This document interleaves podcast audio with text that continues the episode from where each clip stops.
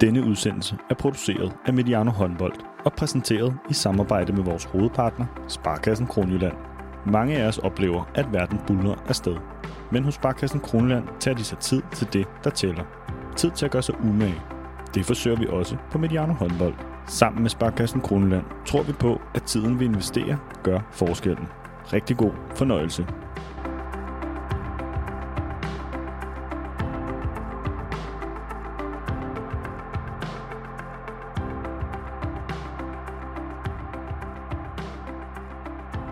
Velkommen til Mediano håndbold og vores modenlige serie, som vi kalder International håndbold med Rasmus Bøjsen.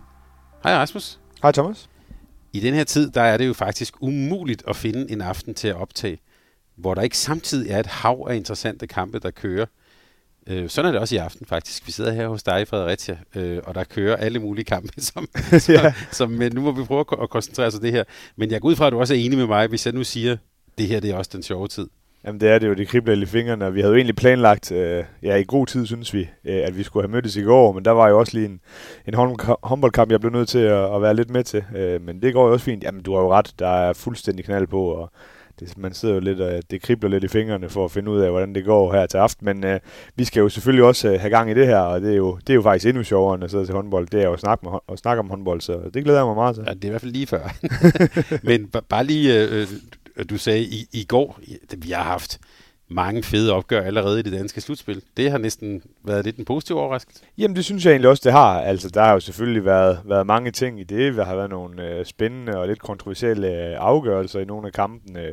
Vi havde, øh, når jeg siger vi, så er det jo Skjern håndbold. Det bliver jeg jo nødt til at sige. Jeg arbejder i Skjern håndbold, og vi havde en rigtig spændende kamp først i Kolding. Et uafgjort resultat der, øh, hvor der var virkelig knald på det. Man kunne mærke, der var gang i den i forhold til det her slutspil. Det, det får altid lige et nyk, nyk op, både på lægterne og inde øh, øh, på de 40 gange 20 meter. Øh, og og i, i går mod Ribe Esbjerg også en, en fed kamp, hvor der var knald på. Øh, og hvor man sådan hele tiden sad med fornemmelsen af, at de kunne komme tilbage efter deres vanvittige comeback øh, mod, øh, mod Aalborg. Så så ja, jeg er enig, og i den anden pulje nu, nu sidder vi jo også her tirsdag aften og kan følge med i den, og der har virkelig også været knald på, og vi kender jo ikke result, øh, resultatet af Bjerg på Silkeborg og Fredericia, men kunne også se, at det var spændende. Så jeg synes egentlig, det tegner godt, og det tegner til at blive, blive spændende, men det er jo altid lidt, øh, uden at det skal være en lang diskussion i forhold til, øh, hvordan og hvorledes med, med slutspil og struktur osv., det er jo altid lidt spændende, hvordan det bliver, fordi det kan relativt hurtigt være afgjort, men det tyder jo ikke på, at det skal være det i, i den her sæson, og,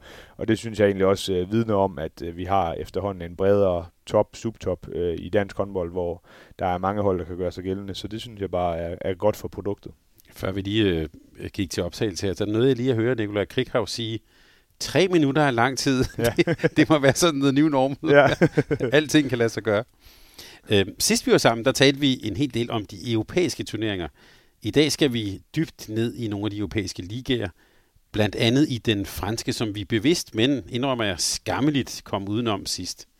Men til en start, Rasmus, så vil jeg bede dig om at tænke tilbage på den seneste måned og tænke tilbage på, hvad har været det, det største sådan, håndboldmæssige højdepunkt for dig? Jamen jeg sad lige, det gør jeg også altid, inden vi øh, skal optage det her, og gik igennem mit, øh, eller min Twitter og så, hvad jeg lige havde fundet på at smide op den seneste måned, og en af de allerbedste nyheder der, synes jeg, det var, at DHF kom ud med de nyeste tal i forhold til aktive medlemmer i, øh, i dansk håndbold, og der er vi jo tilbage på over 100.000 øh, aktive medlemmer, hvilket jeg synes er helt fantastisk. Det er i sig selv en fantastisk nyhed, at øh, kurven efterhånden er blevet knækket, og at vi igen ser medlemsfremgang øh, i de danske haller. Det er ufattelig vigtigt, og det er derfor, øh, tror jeg, øh, fordi at vi har de her, det her forenings, øh, den her foreningskultur, at vi kan have så godt øh, et landshold, så god øh, en liga, øh, ja, både på, på herre- og damesiden. Øh.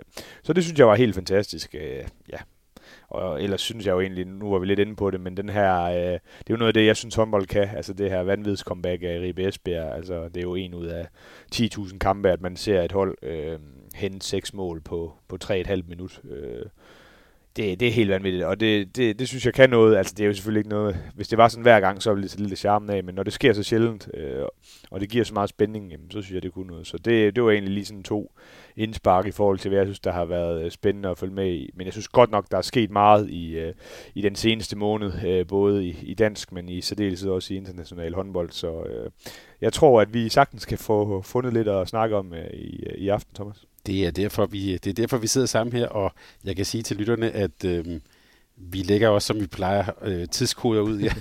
Ja, vi må hellere advare på forhånd. Der er nok meget på hjerte. Og øh, som sagt, det skal handle om den internationale øh, håndboldscene. Vi, for at give en programoversigt, så starter vi med Tyskland og Bundesligaen. Derefter så skal vi til Frankrig, vi skal omkring Portugal og Spanien, og så skal vi i virkeligheden på sådan en rundflyvning også omkring i det europæiske. Du har også lovet os, at vi lige skal omkring Ægypten. Ja. Og øh, så kårer vi faktisk til sidst en øh, top 10 over de bedste skandinaviske hold netop nu. Eller det gør du. Det er faktisk en lytter, der har, øh, der har om så sige, opfordret eller udfordret på det. Så den glæder jeg mig også meget til at høre.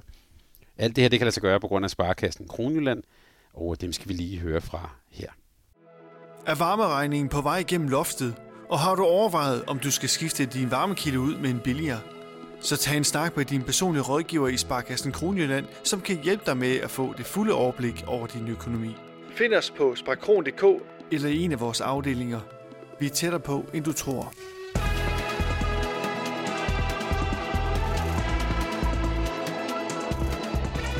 Men Rasmus, før vi skal til, øh, til Tyskland, eller måske skal vi det alligevel lige om lidt, så må du her for nylig på Twitter sådan lige markere dig i en diskussion om, hvilke ligaer, der er de stærkeste. Vores lytter, de kan finde uh, dit tweet og, og listen uh, ude på Twitter. Vi har også uh, retweetet det for vores lille beskedne konto. Men lad os lige sætte lidt ord på de øverste placeringer på din liste. Hvem, hvem, havde du op i, øh, hvem havde du op i toppen, og hvorfor? Jamen lidt baggrund, altså det var jo øh, sådan en Instagram-profil, der hedder Retweet Handball, som nogle gange får lagt nogle sjove ting op, også for at skabe lidt debat, der havde lagt øh, ja, en liste på, som du siger, de 10 bedste øh, i deres optik øh, ligaer i, i verden, altså nationale ligaer. Og der var jeg sådan relativt meget øh, uenig, kan man sige. Men altså, jeg synes jo, at, at Bundesligaen øh, med afstand, og det har vi også snakket om i det her program tidligere, er, er verdens bedste liga, både i toppen, men også i, i bunden og i midten. Så det, det, der er bare så mange dygtige hold, og så, så mange folk i halen, og alt det udenom, og det hele, så den var altså uden tvivl nummer et, og så synes jeg, at den franske liga, øh, som egentlig er skrevet, synes jeg måske, den er lidt overvurderet. Øh, jeg synes også, at øh, i år i Europa, også tidligere har vist, at at øh, den er sådan lidt på vej ned. Øh, Paris Saint-Germain er ikke så, så gode, som de har været tidligere. Jeg synes egentlig, at den har været spændende at følge i år. Det kommer vi ind på senere. Men øh, niveauet øh, også øh, i de nederste, eller på de nederste hold er ikke lige så højt som øh, altså for eksempel Bundesligaen, Og så synes jeg, at Danmark klart er den, den tredje bedste liga i, i verden. Øh, der havde den her retweet handball jo så Danmark som nummer syv, så der er vi jo relativt uenige, men jeg synes, at den bliver stærkere og stærkere øh, år efter år, og de kommende, den kommende sæson bliver jo måske endnu stærkere med de spillere, der kommer til, øh, og også det, der gør den så stærk, synes jeg, det er, at man har så mange dygtige hold, der kan der kan hvad hedder det, præstere øh, på højt plan og, og slå øh, topholdene. Øh, det er jo det, som der lidt gør sig gældende i nogle af de andre ligaer, som vi kommer ind på lige om lidt, øh, at det, der er der to-tre gode hold, og det er jo det, jeg synes, der gør den danske liga fed. At selvfølgelig har vi Aalborg og GOG, som er rigtig, rigtig dygtige også på europæisk plan, men vi har bare så mange andre øh, hold, som også øh, kan gøre sig gældende i Europa og i slutspil osv. Så, videre. så, øh, så har jeg jo sådan lidt øh, en, en sjov fire, tror jeg mange ville synes, fordi det er anden Bundesligaen, og, og den hører man måske ikke så meget om i Danmark, og man tænker sig lidt, jamen det er jo, det er jo den anden bedste række. Øh, men jeg synes, vi tidligere har set et, der har været nogle slutrunder, hvor nogle af de spillere, der har været i anden Bundesliga, jamen de har præsteret rigtig, rigtig godt, øh, både for det tyske landshold, men også for mange andre øh, af landene. Øh, to, øh, der er jo faktisk lige blevet øh, udtaget en, øh, en tysker på det, eller en spiller til det tyske landshold fra anden øh, bedste række, øh, Max Benneke, øh, som jo er udlejet fra, fra Berlin til Potsdam. Øh, så det er jo også lidt sjovt, men det er bare en liga, hvor der er sindssygt meget fysik. Der er mange penge i ligaen. Det er en øh, finansielt rigtig, rigtig stærk liga. Øh, og, og der er mange hold, øh, som virkelig, virkelig øh, er dygtige og har professionelle setup. Øh, man kan sige, at Motor Saborosje har jo lidt sådan, øh, det er jo en lidt sjov historie, at de i år har fået lov at, at være med i anden, anden Bundesliga, fordi at, ja, de selvfølgelig ikke kan spille i deres eget øh, deres egen liga, øh, og de øh, har jo klaret sig rigtig godt i Europa. Øh, var faktisk tæt på at gå i en, øh, i en kvartfinale. Øh, men de ligger jo øh, fjerde sidst, tror jeg, lige nu. Så det bevidner jo også lidt om, at det her det er en liga, der er rigtig stærk, og som jeg ser det, så er der jo to, tre, fire hold, som øh, på en normal sæson vil virkelig kunne gøre sig gældende i Danmark og være mere omkring slutspilspladserne. Så, så det synes jeg er en rigtig stærk liga. Nummer 5, er jo også sådan lidt en, en undervurderet liga for mig. Den spanske liga kommer vi lidt ind på senere, men øh, jeg synes faktisk, den er meget undervurderet. Jamen, det, vi snakker jo altid omkring det her med FC Barcelona, og de smadrer alle de andre. Øh, men det vil de gøre i rigtig mange ligaer, især hvis det er en liveturnering. Så vil de også smadre de andre hold. Øh, så det synes jeg egentlig, man skal så se sådan lidt bort fra.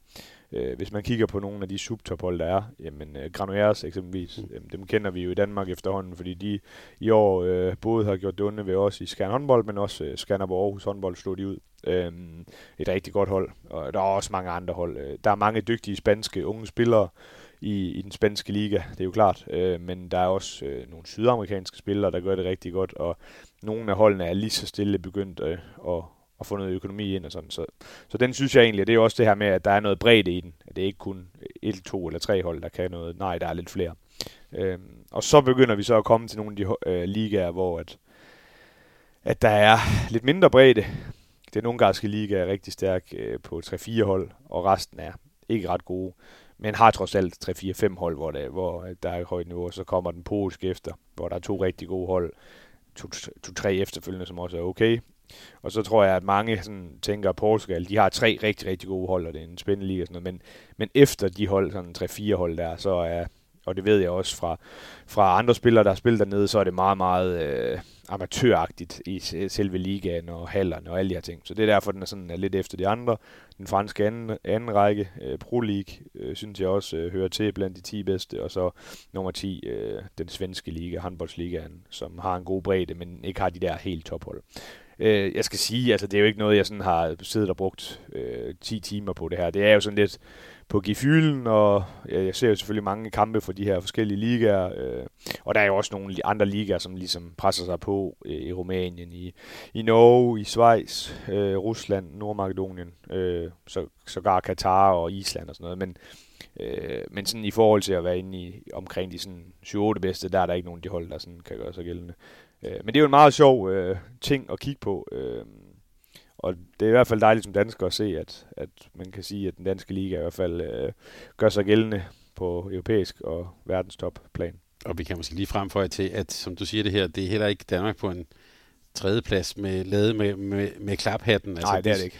Det, det synes jeg vel også, at, at øh, de europæiske resultater faktisk også taler for. Ja, bestemt. Øhm, men så er der selvfølgelig, som du nævner jo i, i Ungarn og Polen med videre nogle absolute tophold, mm. og det vender vi også øh, tilbage til. Men lad os, da så, lad os da så bare simpelthen starte med nummer et, og det tror jeg ikke, der er mange, der vil være uenige i, nemlig den, den tyske Bundesliga, som vi også har, øh, har fulgt tæt her, og vi kan vel godt sige, at det har været alt, hvad vi kunne drømme om for den tyske Bundesliga. Den har absolut ikke øh, øh, skuffet. Men selve ligaen lå jo faktisk stille i den forgangne weekend her. Mm. Der var endnu en stor weekend i en tysk håndboldhal. Ja. Nu spørger jeg bare sådan helt åben. Rasmus, hvad skete der i weekenden? ja, jamen der var jo øh, den tyske pokalturnerings Final Four. Øh, en, et Final Four, som jeg synes er helt fantastisk. Man kan jo sige, øh, langt hen ad vejen kan man jo sådan, øh, sammenligne den tyske Bundesligas øh, øh, pokalturnering med øh, FA Cup'en øh, i, øh, i, i fodbold i England. Altså det er jo sådan den mest øh, traditionsrige pokalturnering, og den, hvor der er allerstørst bevågenhed på, det er jo en pokalturnering, hvor man i rigtig mange år har spillet øh, i Hamburg, i deres store arena, som jo har heddet en, en lang række forskellige øh, sponsornavne, men, men deres store arena der har fyldt den gang på gang, og jeg har selv været dernede en hel del gange. Fantastisk show, fanta- altså det er bare bygget op, og der kommer et hav af, af både neutrale tilskuere, men også sådan fire hjørner, der er fyldt op af, af øh, de fire hold, der er med fans. Og det er jo egentlig det samme her første gang nu i, i Køln, i Langses Arena, hvor det jo så bare er en lidt større hal, øh, går fra sådan cirka 12.000 til 20.000, og de der øh, tilskuere, de der billetter blev bare revet væk.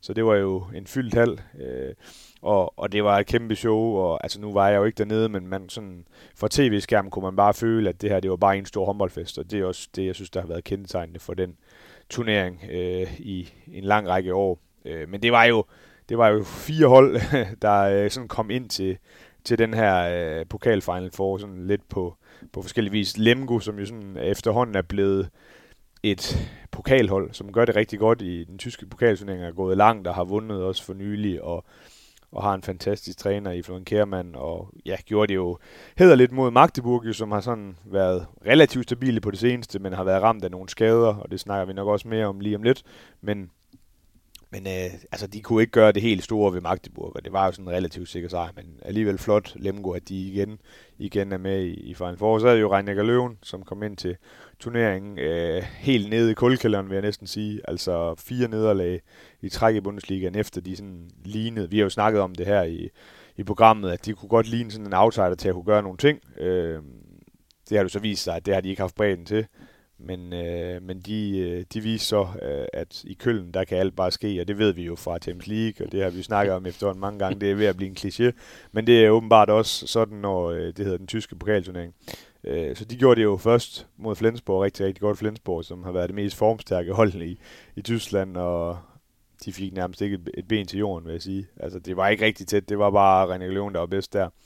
Og så en fed, fed finale, som også har været lidt kendetegnende for de her øh, pokalfinal for os. Det er altid rigtig, rigtig tæt, og vi får ofte nogle uafgjorte kampe, og det må vi jo så sige, det gjorde vi igen her, og at vi skulle helt ud i en strafkastkonkurrence for at få afgjort det hele, det var jo det var meget, meget underholdende, og det var fedt, og jeg synes, der var sådan mange historier i den kamp. Øh, altså David Spæt, den her unge tyske målmand, som kommer ind og tager det hele, og, og nærmest forredet, øh, forredet Reinik og Løven, og så synes jeg jo egentlig, der, der var også mange ting i det i, i øh, den forlængede spilletid, hvor, hvor det så lignede René Løven, nu er den sikker. Nu havde de momentum med det her, så var Mike Jensen, kom han jo så ind, øh, eller ikke kom ind, men, men gjorde det rigtig, rigtig godt der, og fik, fik dem tilbage i kampen, øh, Magdeburg. Så øh, det var en kamp, der bølgede, bølgede frem og tilbage, og det kunne have blevet, blevet hvad som helst, men jeg synes egentlig, det var fantastisk. Øh, altså det var bare sådan en håndboldpropaganda propaganda for mig, altså 20.000 i hallen, og fed stemning, og en kamp, som bare havde det hele. Så det kunne ikke være ret meget bedre. Øhm, jeg synes egentlig også, at øh, han bliver nødt til at nævne jo i Knur, øh, som jo spillede en fantastisk Final Four, er jo hele omdrejningspunktet for Reinecker Løven, og det giver jo også noget tro på tingene for tysk håndbold. Det har vi været inde på lidt tidligere, at, at det er også bare vigtigt, fordi at Bundesligaen er det største, og Tyskland er bare den, den største håndboldnation, der er i verden, så og det var også lidt, øh, der, det var også noget af det, der blev meldt ud til, til selve stævnet, at der er allerede solgt 100.000 billetter til, øh, til EM i 2024, hvor der jo så er finalestævne i Langsess Arena i Køln. Så, øh. Reinik Løven, de kunne så tage hjem med, øh, med smil på læben efter, efter, øh, hvad kan man sige, øh, efter deres tog egentlig var kørt lidt galt i Bundesligaen. Ja, altså man kan jo sige, at sæsonen er jo reddet for dem nu. Altså de får en titel, derudover de 100, altså man kan jo sige, det lignede faktisk lidt måske, at de kunne klippe i forhold til at gå i Europa næste år. Men det har de jo så sikret sig igennem pokalturneringen nu, så det er jo det er, det er stort for dem, og der er jo, man kan sige, der er en hel del hold i Tyskland, der går ud af sæsonen ude, uden øh, hvad hedder det, en titel. Det gør de jo så i hvert fald ikke nu. Så flot. Ja, og, og, og, og Reinecker, altså det, øh, du nævnte lidt øh, skader, måske en, øh, lidt den der manglende bredde, der, øh, der har slået igennem, eller eller hvad er det, vi har set ved dem? Ja, og så er det måske egentlig også bare lidt deres niveau. Altså, de har måske overpræsteret lidt, har været lidt heldige med det kampprogram, der har, har været for dem. De har ramt nogle af de andre hold på, på gode tidspunkter.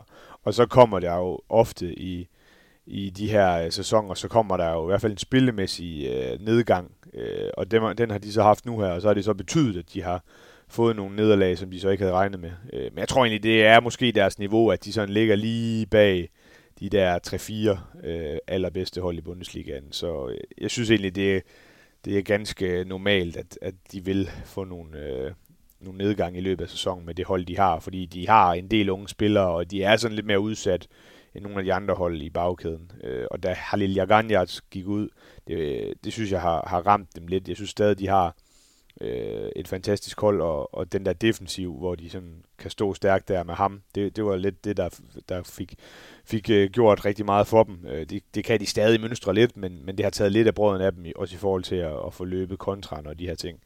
Øh, så, så de er jo bare måske lige en anelse mere udsat end nogle af de andre hold, øh, når det kommer til skader. Ja, måske skal vi lige sige øh, på en øjeblikkelig femteplads. Altså vi har i toppen Kiel, Füchse Berlin og Magdeburg, alle tre hold med 41 point. Så har vi Flensborg Handewitt med 39 point, og som sagt Reinika Løven på femtepladsen med 37 point. Så ja, nu har vi jo lært, at alt kan ske, så, så, stadigvæk, så stadigvæk meget, meget lige her. Men øh, jeg synes lige, vi skal sætte lidt ord på nogle af de andre hold. Magdeburg, som du nævnte her fra, øh, øh, fra Final Four, Ja, jeg har sagt, hvordan tager de hjem? Altså, de, de udspillede jo Berlin. Det var sidste gang, vi talte sammen. Mm. Og siden har det været, ja, måske i bedste fald lidt svingende, eller ja. hvad? Ja, altså, så får de et, et, selvfølgelig et vigtigt point i Kiel, men hvor de sådan lidt havde kampen i deres hulehånd, og så får smidt det til sidst. Øh, Kai Smits har jo stadig været, været fremragende, men jeg synes godt, man kan se øh, Savstrup skaden til ham, og så også Omar. Det har jo så også gjort lidt ved deres bredde, og de, øh, Weber har været lidt ude, så har Michael Damgaard egentlig været inde og, og gøre det fint. Øh, men, men det er jo selvfølgelig en anden type håndbold med ham. Øhm, og nu gik Ber- Bergendal ud, øh, og også ude noget tid, så nu har de kun Meister som, øh, øh, som eneste stregspiller, så jeg, jeg kunne godt forestille mig, at det bliver svært for dem også, fordi at øh, så har de jo så de her meget, meget vigtige kampe mod Plok i Champions League.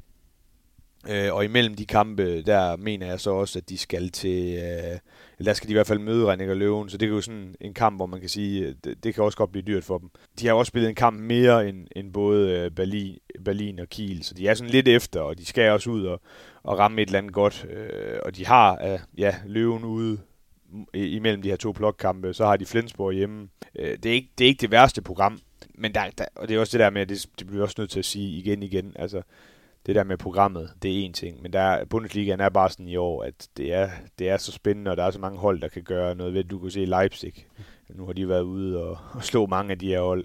Øh, og man kan sige, der, nu kiggede jeg bare lige på det, altså Magdeburgs øh, sidste kamp øh, i, i Bundesligaen, det er jo så mod Wetzlar hjemme, og så tænker man, Wetzlar, de har været rædderlige den her sæson, men det er jo sådan en kamp, hvor det kan være, at det betyder øh, for Vetsler, om de rykker ned, eller om de øh, bliver op. Så der er bare ikke nogen nemme kampe. Og, men, men ja, Magdeburg, det bliver spændende også. Det, jeg synes, det er helt store issue med dem er, altså hvordan vil de ligesom gøre det, fordi det der med at kunne komme til Final Four vil jo også være kæmpestort for dem, og de møder Plok, hvor de er favoritter. Øh, og så er der sådan en vigtig kamp imellem de to kampe mod Plok mod, mod Løven. Så, så det bliver virkelig spændende at følge, øh, hvordan de sådan ligesom, også i forhold til, om de jeg kunne forestille mig, at de prøver at få hentet et eller andet ind på stregen, eller måske i det hele taget en, en forsvarsspiller, eller hvad det kunne være. Øh, og det er jo ikke særlig nemt lige nu, men der er jo reglerne dernede af, at de kan hente spillere, som ikke har, altså free agents, som man mm. kalder det, at en spiller, der ikke har spillet den her sæson, og der er jo selvfølgelig nogen, der render rundt, rundt omkring, som man måske kunne hente ind, øh, men det er jo selvfølgelig ikke, det er jo ikke perfekt, at man først får Savs på skade, så ender man bare Bergendal, så bliver han gud hjælpe med også skadet. Så det er jo også lidt et lod for dem, at udover at de missede titlen øh, med marginaler, så fik de også ham skadet. Agents, det er der, hvor vi tidligere har set Steiner E pludselig træde ind for, ja. for Kiel og sådan noget. Ja, og Bjarte Myrhold gjorde det jo også ja, for Bjarne Kiel Myrhold, sidste ja. år. Og sådan, så det er jo set før, at det, og det, er jo, det kan jo godt være øh, en, en stor hjælp, fordi altså Meister, det var vi også inde på lidt, uh, Savstrup beskadet. En god spiller, øh, men han er ikke en 2x30 spiller. Altså, så, hvis de, så skal han jo spille angreb, så skal de finde ud af et eller andet defensivt eksempelvis. Og sjovt, du siger øh, øh, Leipzig, når jeg sidder og kigger hen over stillingen her. Der er også et meget, meget tæt, skal vi sige, sådan midterfelt. Nu ligger de pludselig nummer 12, mm. øh, og det var, mm. har ellers sådan ja. haft raketfart opad ja. og sådan. Så, så også i, kan man sige, i den del af ligaen kan vi også, i Bundesligaen kan vi bare sige, der er også virkelig, virkelig tæt kamp. Altså, ja, der skal ikke så meget til, som man kan sige, med Leipzig, så laver de de her kæmpe resultater mod alle topholdene, og så får de Viggo Christiansen skadet, deres øh, islandske højreback, og så er de så tabt nogle, nogle tætte kampe efterfølgende her. Så nej, som du siger, der skal ikke så meget til. Og så er der, ja, han har sagt, øh, det er der også andre steder, men Danskerklubben plejer vi at sige, Flensborg Handevidt. Jeg vil næsten sige, at i hvert fald, øh, hvis jeg skal kigge på mig selv, dem havde jeg måske nærmest dømt lidt ude af den der topkamp ja, på et det, tidspunkt. det havde jeg også.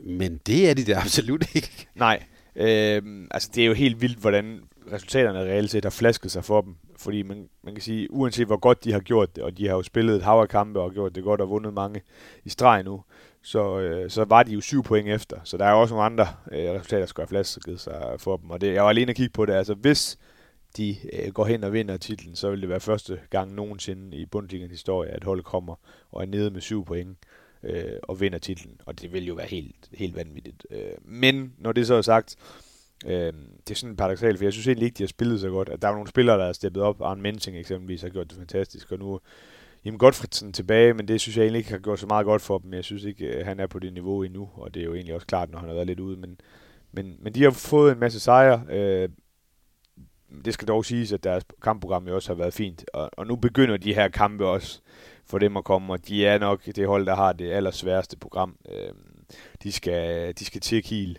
de skal til øh, Berlin, de skal til Magdeburg, og så har de så Løven hjemme. Så det er jo det er virkelig, virkelig svært program.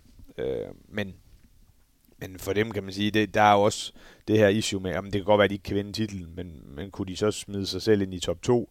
Fordi jeg synes godt nok, at øh, det er jo også sket siden sidst, at nu har de jo fået både Pytlik og, og Lukas Jørgensen med ombord fra den kommende sæson, og får Kai Smits ind, og altså sådan en, en bagkæde med, med Pytlik og Kai Smits og Im Godfredsen, det lyder jo fint, synes jeg. Så jeg kan sige, at det vil man jo gerne se i, i Champions League, og det er jo det, der er lidt vildt, at, at de har jo, der, øh, Tyskland har to pladser, men der er godt nok en, en 3-4 hold, hvor man rigtig gerne vil se Champions League, så det, det bliver spændende, men, øh, men jeg synes, det, det ser jeg stadig lidt, altså de er jo med lige pludselig, men, men det skal godt nok øh, skrab, de skal lave mange øh, store point på udebane, både i Kiel og i Berlin og Magdeburg, før de sådan kan vinde mesterskabet. Men det er jo friskt af Simon Pytlik og Lukas Jørgensen, at de simpelthen potentielt træder et skridt ned på den europæiske rangstige og flytter, ja. og flytter til Flensborg.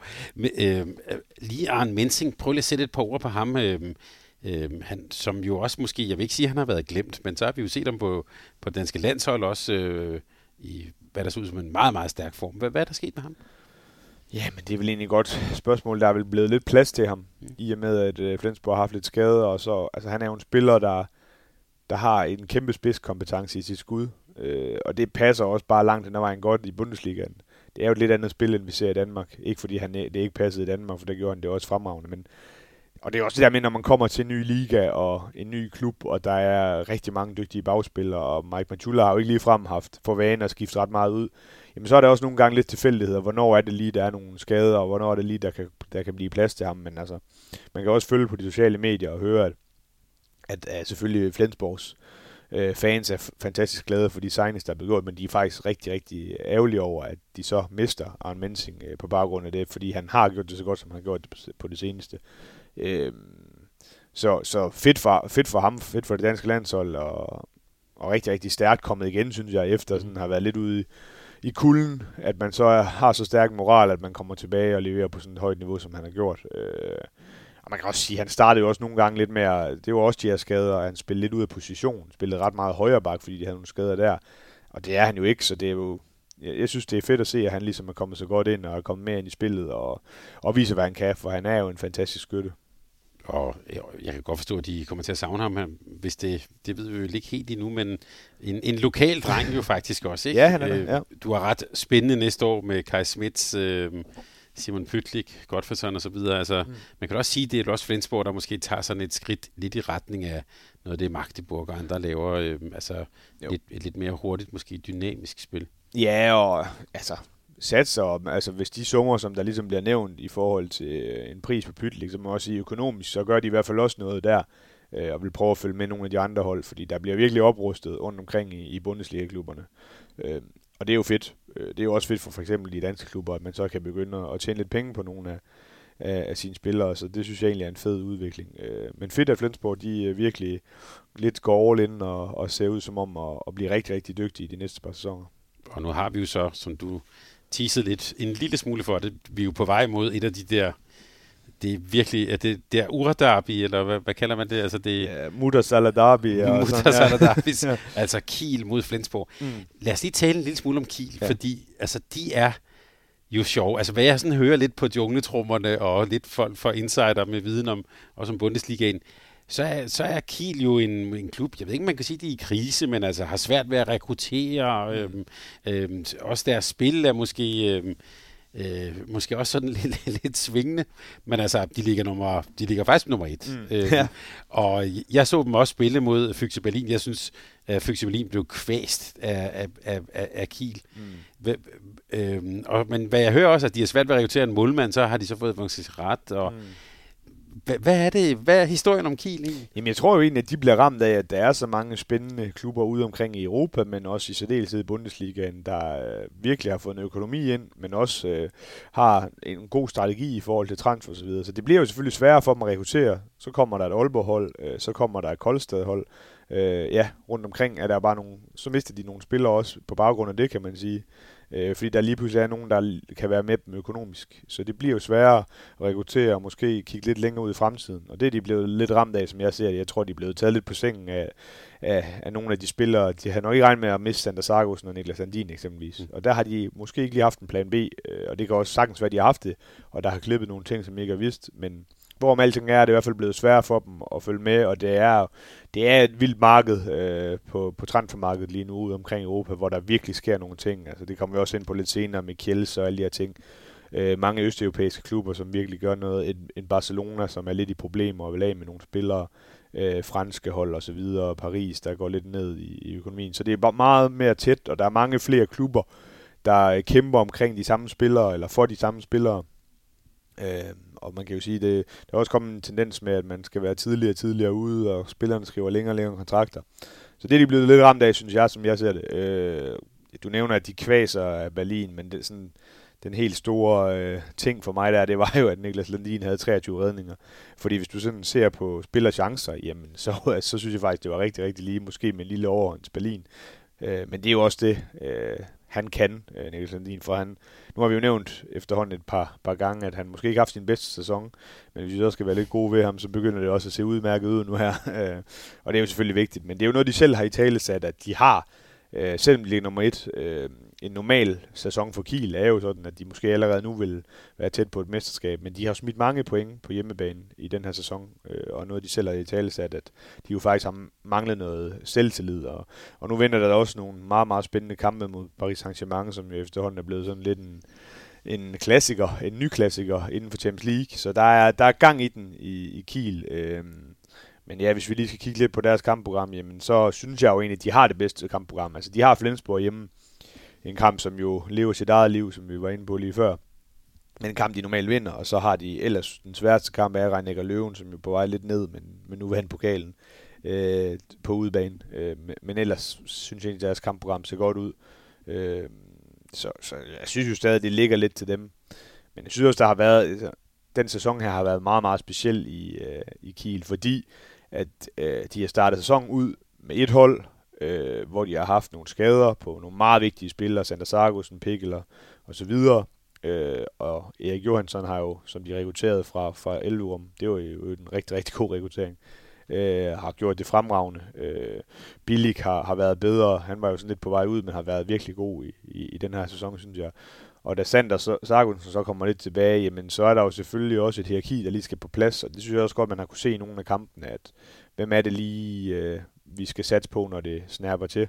Øhm, så, så det er jo selvfølgelig også en udfordring. Det, det lyder måske lidt dumt, at nu har de en masse gode spillere, og det må jo bare være en fordel, men, men det tager også nogle gange lidt tid at, at få det hele øh, strikket sammen. Øhm, så det synes jeg også godt, man har kunne se. Men ja, altså, Kiel, de er stadig med i, selvfølgelig øh, ikke godt for dem ikke at være med i Final Four i pokalturneringen, men de har jo stadig muligheden for Final Four i Champions League, og så at vinde mesterskabet igen, igen, igen. Så helt skidt er det jo heller ikke. Og PSG mod Kiel, det er næsten også blevet en form for derby efterhånden. Ja. det, det glæder vi os også til. Jeg hører dig næsten også sige, at øhm, skal Kiel blive mestre, så kan vi kigge ind i målet til Niklas Sandin. Altså det er måske så enkelt, det er, når alt kommer til alt. Jamen, det synes jeg i hvert fald, det er vist i nogle af de kampe, øh, de har spillet, for deres forsvar har virkelig været skidt kørende i den sæson. Øh, så de er bare afhængige af, at enten Niklas Landin eller også Markova, som vi bliver nødt til at nævne, som også har gjort det godt, øh, at de har store dage, øh, og at de spiller for dem offensivt, fordi deres defensiv har virkelig set skidt ud, og de har lukket et hav af mål ind i, i mange af kampen. Det er jo meget atypisk for dem, øh, men, men du har ret, altså det, de, de bliver simpelthen nødt til at have redninger i deres kampe, fordi ellers... Øh, ja, man kan jo sige, at Berlin der eksempelvis, der laver Berlin 29 mål, men, men Niklas Hardin har 23 redninger, så kan man jo selv, øh, nu er jeg ikke særlig stærk matematisk selv, men jeg kan godt regne ud, at der har været en del skud mod mål. Der har været mange skud, og som jeg husker, der er også mange relativt frie positioner. Lige nøjagtigt, ja. Hvor de der store ben kom ud. Øh, så øh, jeg vil ikke bede dig om at kalde noget som helst, og bare roligt, vi kommer faktisk tilbage til Bundesligaen senere på foråret. Øh, det er den øh, liga, der bliver ved med at give. Men med de her cirka 8-9 runder tilbage, mm. øh, hvad skal vi holde øje med? Der er selvfølgelig et derbyet her, mm. Kiel med Flensborg, ja. virker som en utrolig afgørende kamp. Ja. At, og, og så har du nævnt øh, øh, Magdeburgs program. Er der andre, sådan, vi skal holde øje med?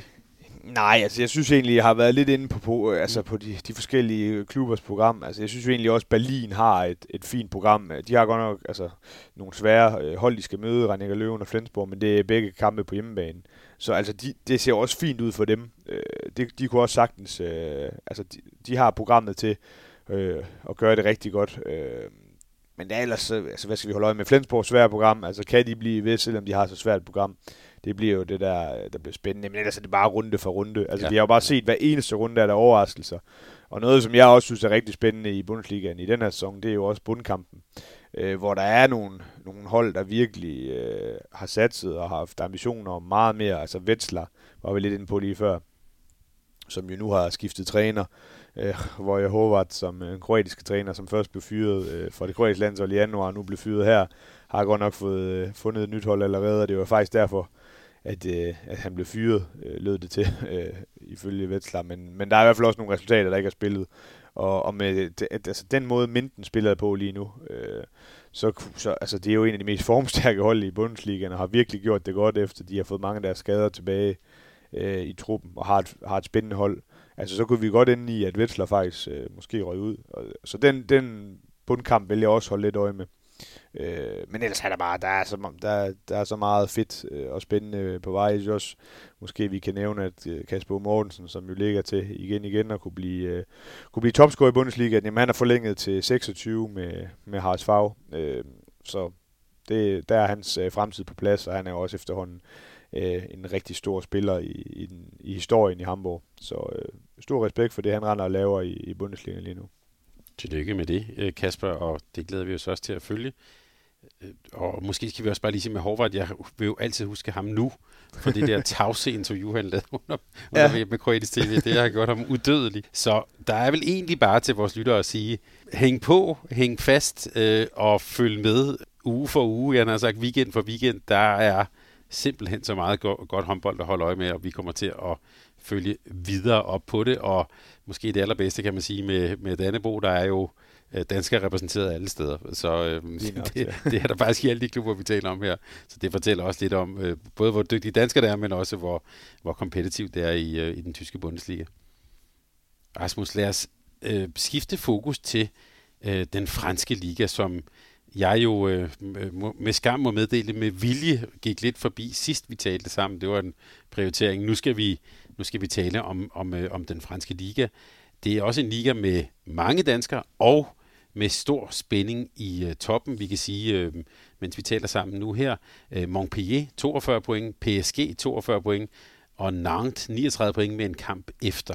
Så der er altså også øh, øh tre hold i en et kamp, og i øvrigt er Chambéry jo ikke sådan voldsomt efter. Så øhm, den franske liga, som tidligere hen har måske næsten fået lidt ry for at være ligesom Barcelona i Spanien, det er det absolut ikke i den her sæson. Nej, øh, tværtimod, og det synes jeg virkelig har været fedt, og det har jo sådan, de er jo egentlig fuldt ad langt hen ad vejen Montpellier, Paris og, og Nantes fra, fra sæsonstart. Øh, Nantes fik en fantastisk vigtig hjemmesejr på et mål mod Montpellier, øh, som jo har åbnet den her trekamp endnu mere. Øh, det var jo bare lige for at tage lidt stats. Altså, det er jo otte kampe i streg, nu andre har haft mod øh, Montpellier uden nederlag. Der er et uafgjort resultat, så syv sejre. Så det er ret vildt. Øh, men så alt er åbent. Jeg synes, at Paris har måske en lille fordel. Ikke så meget, fordi jeg synes, de spiller godt lige nu. De har en del skader, og de har ramt et formdyk og, og gør det ikke specielt godt, og har nogle vigtige kampe i Champions League, som også kan blive afgørende i forhold til det. Men de har både Montpellier og Nantes på hjemmebane. Så der er øh, venter jo nogle rigtig spændende kampe.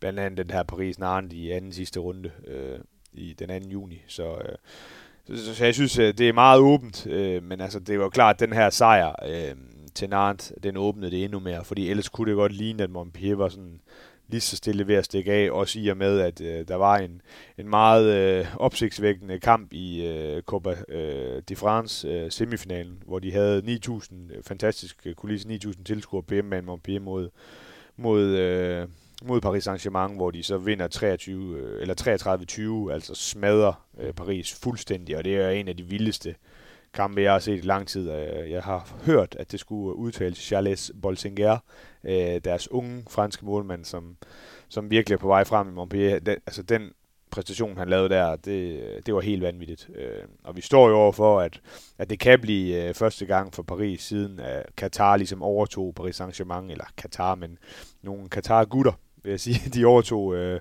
både fodboldklubben, men, øh, men så også håndboldklubben. Der kan det blive første gang, at, at de går en hel sæson uden at vinde en eneste øh, titel. Øh, og de spiller jo mange forskellige øh, cup-turneringer osv. dernede, så det vil jo være opsigtsvækkende i forhold til det. Men det er i hvert fald, det har været, Montpellier der har været lidt ovenpå, øh, synes jeg, men så taber knepen øh, i Nantes i en kamp, der kunne have blevet det he- til det hele. Øhm, der er så mange ting i det, du lige har sagt. Ja. Jeg skal, lad os lige starte fra den af.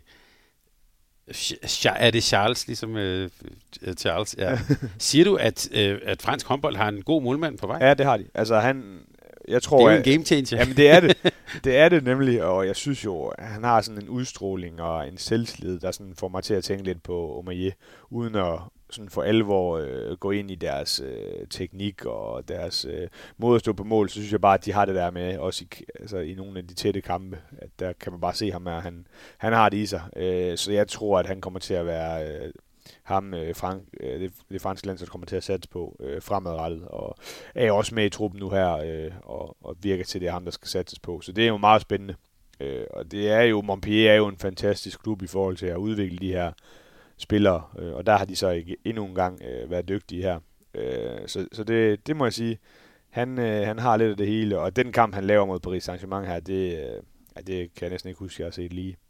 Og i den, det, er det der med, det har du fortalt os om tidligere, kan jeg huske, alt afhængig af kampen, så har de så den store halv. Øh... Ja, lige nok, ja. Og det her, det var jo så en, en kæmpe stor kamp i, i semifinalen i koppen, og nu møder de så Narn i finalen. Det bliver jo selvfølgelig også spændende at følge det. Øh, men men jeg, jeg er jo ikke så meget for den måde, Paris Saint-Germain er gået op på. Jeg, jeg øh, anerkender og så videre, de har mange penge og alle de her ting, men, men jeg jeg fryder mig altid lidt over det, når at, øh, der er nogle andre hold, der gør det godt. Jeg synes, synes, det vil være fint med en ny fransk mester, efter at Paris Saint-Germain har vundet øh, så mange år i, i streg. Det vil, det vil gøre det fint. Og når vi er inde på Montpellier, så synes jeg også, man skal nævne, at der er også en, øh, en dansker der, Andreas Holst, har faktisk fået en, øh, en større rolle øh, og har gjort det rigtig godt på det seneste. Altså, der er jo mange dygtige bagspillere der, og, og han har haft en, en svær start i klubben, synes jeg, men øh, har, har altså, fået spillet sig til at, at spille mere og mere, og har gjort det rigtig godt på det seneste, så det synes jeg er meget stærkt.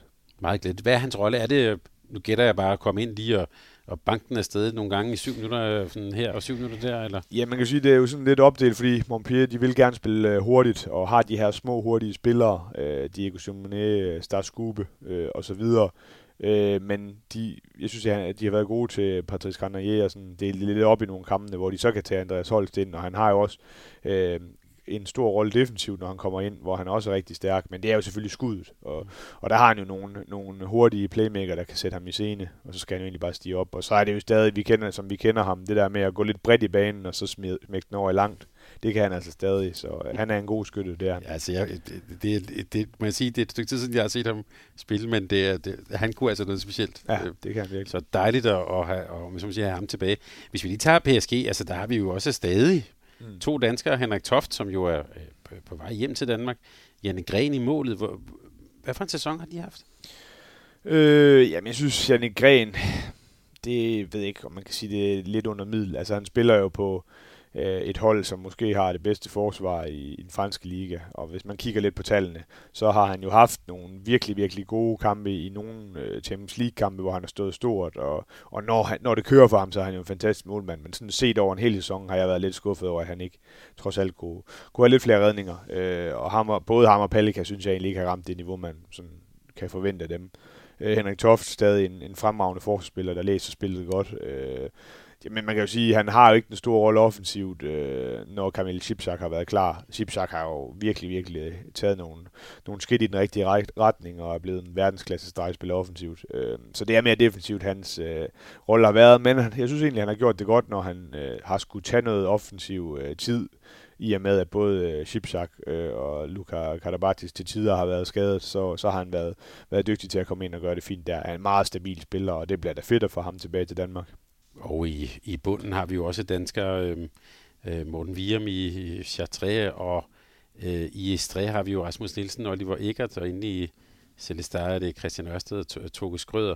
Øh, der er også faktisk en rimelig, og i Vrig i øvrigt også med mm. Jesper Dahl, en, en rimelig tæt bundkamp. Ja, meget. Også, øh, øh, ja, man kan lige bare sige, at øh, Oliver, Eggert, Oliver Eggert er jo taget tilbage til Sønderjysk. Undskyld, det er rigtigt. Ja, ja. Men, øh, men ja, nemlig det er der, og det, det, den mest opsigtsvækkende ting der, det var, at Istres, de, øh, de slog øh, Chartres, og Chartres er jo en klub, der virkelig satser der, hvor Morten Vium spiller. Altså, de har øh, lagt en hel del penge i og fået et godt hold op at stå, og fået Toni Gerona, øh, en spansk øh, træner, som også er serbisk landstræner, øh, og har, har sat sig helt vildt, og de har haft en meget, meget skuffende øh, sæson resultatmæssigt, og har så fyret Toni Gerona nu her. Øh, så altså, hvis de rykker ned, så vil det være en kæmpe skuffelse for den klub, som virkelig øh, satser og har nogle meget, meget dygtige spillere, synes jeg. Øh, men, øh, men det er tæt, øh, og der kan, det kan hurtigt ændre sig. Altså, det er, så, det er sådan, at øh, en sejr, så er du lige pludselig med. Det er, det er lidt øh, at sammenligne med den svenske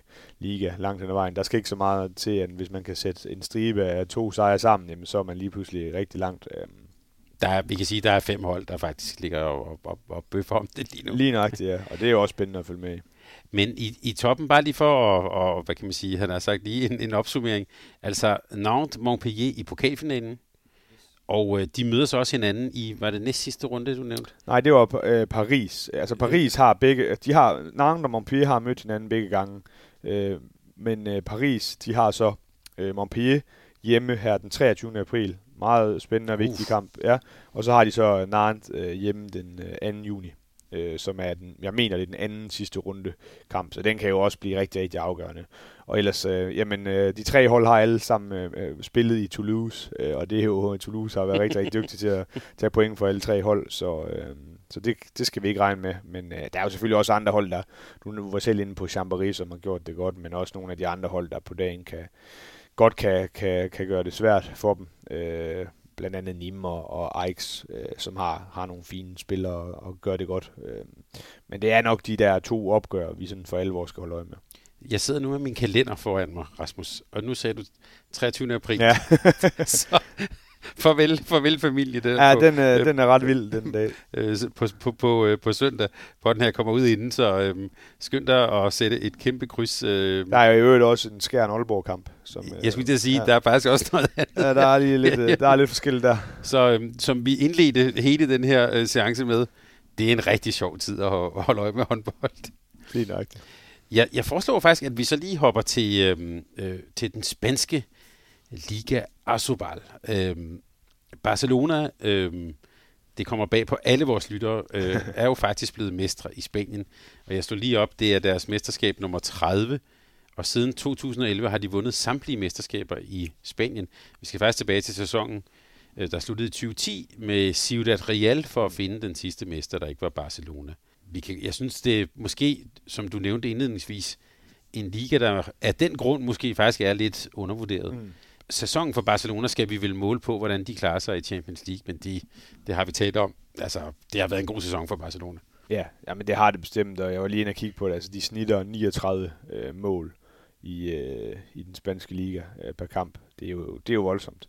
Lavede lige 50 her mod øh, Guadalajara mm. øh, for nylig. Øh, så øh, der, der er knald på der, og de er bedre end de andre hold. Øh, der er nogle af holdene, der sådan godt kan, kan presse dem lidt, men, men det er jo det er det hold, som, som er klart bedst, og, og man kan sige, det vil de være i mange andre ligaer også. Øh, jeg synes jo, noget af det, der er spændende, det er, at siden vi snakkede sidst, så har jo, øh, der har været en masse i medierne i forhold til, at Barcelona, som de fleste måske ved, er presset økonomisk øh, på grund af deres fodboldklub. Øh, selvfølgelig egentlig også på grund af mange af deres andre sportsafdelinger, som genererer underskud år efter år, men det er jo sådan noget, fodboldklubben ofte har sagtens har kunne dække, og det har de jo så problemer med nu. Og på grund af det, så har man så valgt, at man vil skære i udgifterne til de her hold, blandt andet i forhold til rejseudgifter og alle de her ting. Og det er jo både, hvad angår rigtig meget i forhold til basketballklubben, som er, som er det andet dyreste øh, sportsafdeling efter fodbold, men, men selvfølgelig også øh, på håndbolden, og det er jo også derfor, at det så har været meldt ud, at den her øh, transfer, hvor øh, Artem Karalek fra, fra Kielse, den her dygtige øh, stregspiller fra, fra Belarus, at han skulle have været øh, til Barcelona. Men det er jo så lidt blevet meldt ud, at det er der simpelthen ikke råd til. Så nu, så finder de en ung spanier måske i stedet for. Sindrich har fået at vide, at han kan prøve at finde noget andet, fordi der er simpelthen ikke råd til ham, selvom han har en kontrakt til 2025. Så det er jo lidt spændende at følge med i, øh, hvad det egentlig har betydning. Man kan sige, der er måske også nogle spillere, øh, jeg kunne forestille mig sådan som de kan med, men det er han jo nok ikke tilfreds med, efter han har forlænget øh, på en lang kontrakt, og hvor der var en lang række rygter om, at han var på vej til Vestbrem og havde fået et kæmpe tilbud derfra. Jamen, så jeg kunne godt forestille mig, at nogle af de her spillere, der ikke var så godt tilfreds. Øh, jeg tror jo stadig, de, de skal nok få et godt hold, og det er slet ikke det, men, men det er ikke sikkert, at det bliver helt så suverænt i Champions League, og heller ikke i den spanske liga fremadrettet, som det har været her de seneste par år. Så det synes jeg egentlig er, er, er virkelig spændende at følge med i, hvad der sker der. Øhm, Ja, så vi kan godt, vi, vi skal nok sige til lytterne, vi vender også tilbage til vores følgetong mm. fra Kielse, men sådan helt op i det store europæiske perspektiv, mm. så kan det godt være, at vi lever i en tid, hvor Altså, øh, hvor der er nogle forskydninger i hvert fald. Ja, altså jeg kan ikke huske en tid, sådan de seneste 10-15 øh, år, hvor at der, har, der er sket så meget. Altså vi har jo selvfølgelig tidligere også haft nogle hold, der er gået konkurs og alle de her ting. Men der sker bare rigtig meget rundt omkring. Altså Paris går lidt ned i, i øh, budget. Øh, der sker en hel masse i sækket, hvor øh, deres øh, æra efter Pastor bliver spændende at følge. Øh, Vestbrem har virkelig satset hårdt økonomisk. Øh, ja, Kjelse er jo en historie for sig selv, øh, men også en masse tyske hold, som er på vej frem. Koldstad i Norge, øh, Aalborg og GOG i Danmark. Altså, der er virkelig mange spændende projekter rundt omkring, og hvad sker der, når, øh, nu, nu er det alt det her med krig i Ukraine, øh, Øh, hvor der er tre øh, rigtig dygtige hold, øh, med Medvedi i Rusland, øh, øh, Brest i, i Belarus og, og Motor Zaporozhye i, i Ukraine, som alle sammen er påvirket af det, og hvad, hvad sker der øh, med alle de ting? Så jeg synes bare, der er så mange ting, der sker lige nu, at, at det er virkelig spændende at følge med i, øh, hvordan det ender med. Øh, hvad sker der, hvis Kielce er væk, hvor Kaplotsk så lige pludselig får et, et klassehold igen? Øh, Øh, ja, så der er, der er rigtig, rigtig mange spændende ting, men, men tilbage til Spanien, så har det jo selvfølgelig været Barcelona, øh, men jeg synes egentlig også, at det var også det, jeg var lidt inde på i starten, at det er en lidt undervurderet liga, hvor nogle af de andre hold, altså Granollers har gjort det rigtig godt i Europa i år. Øh, Bidasura Irun øh, slår Koldstad ud. Øh, hun er nærmest det eneste hold, der har slået Koldstad den her sæson.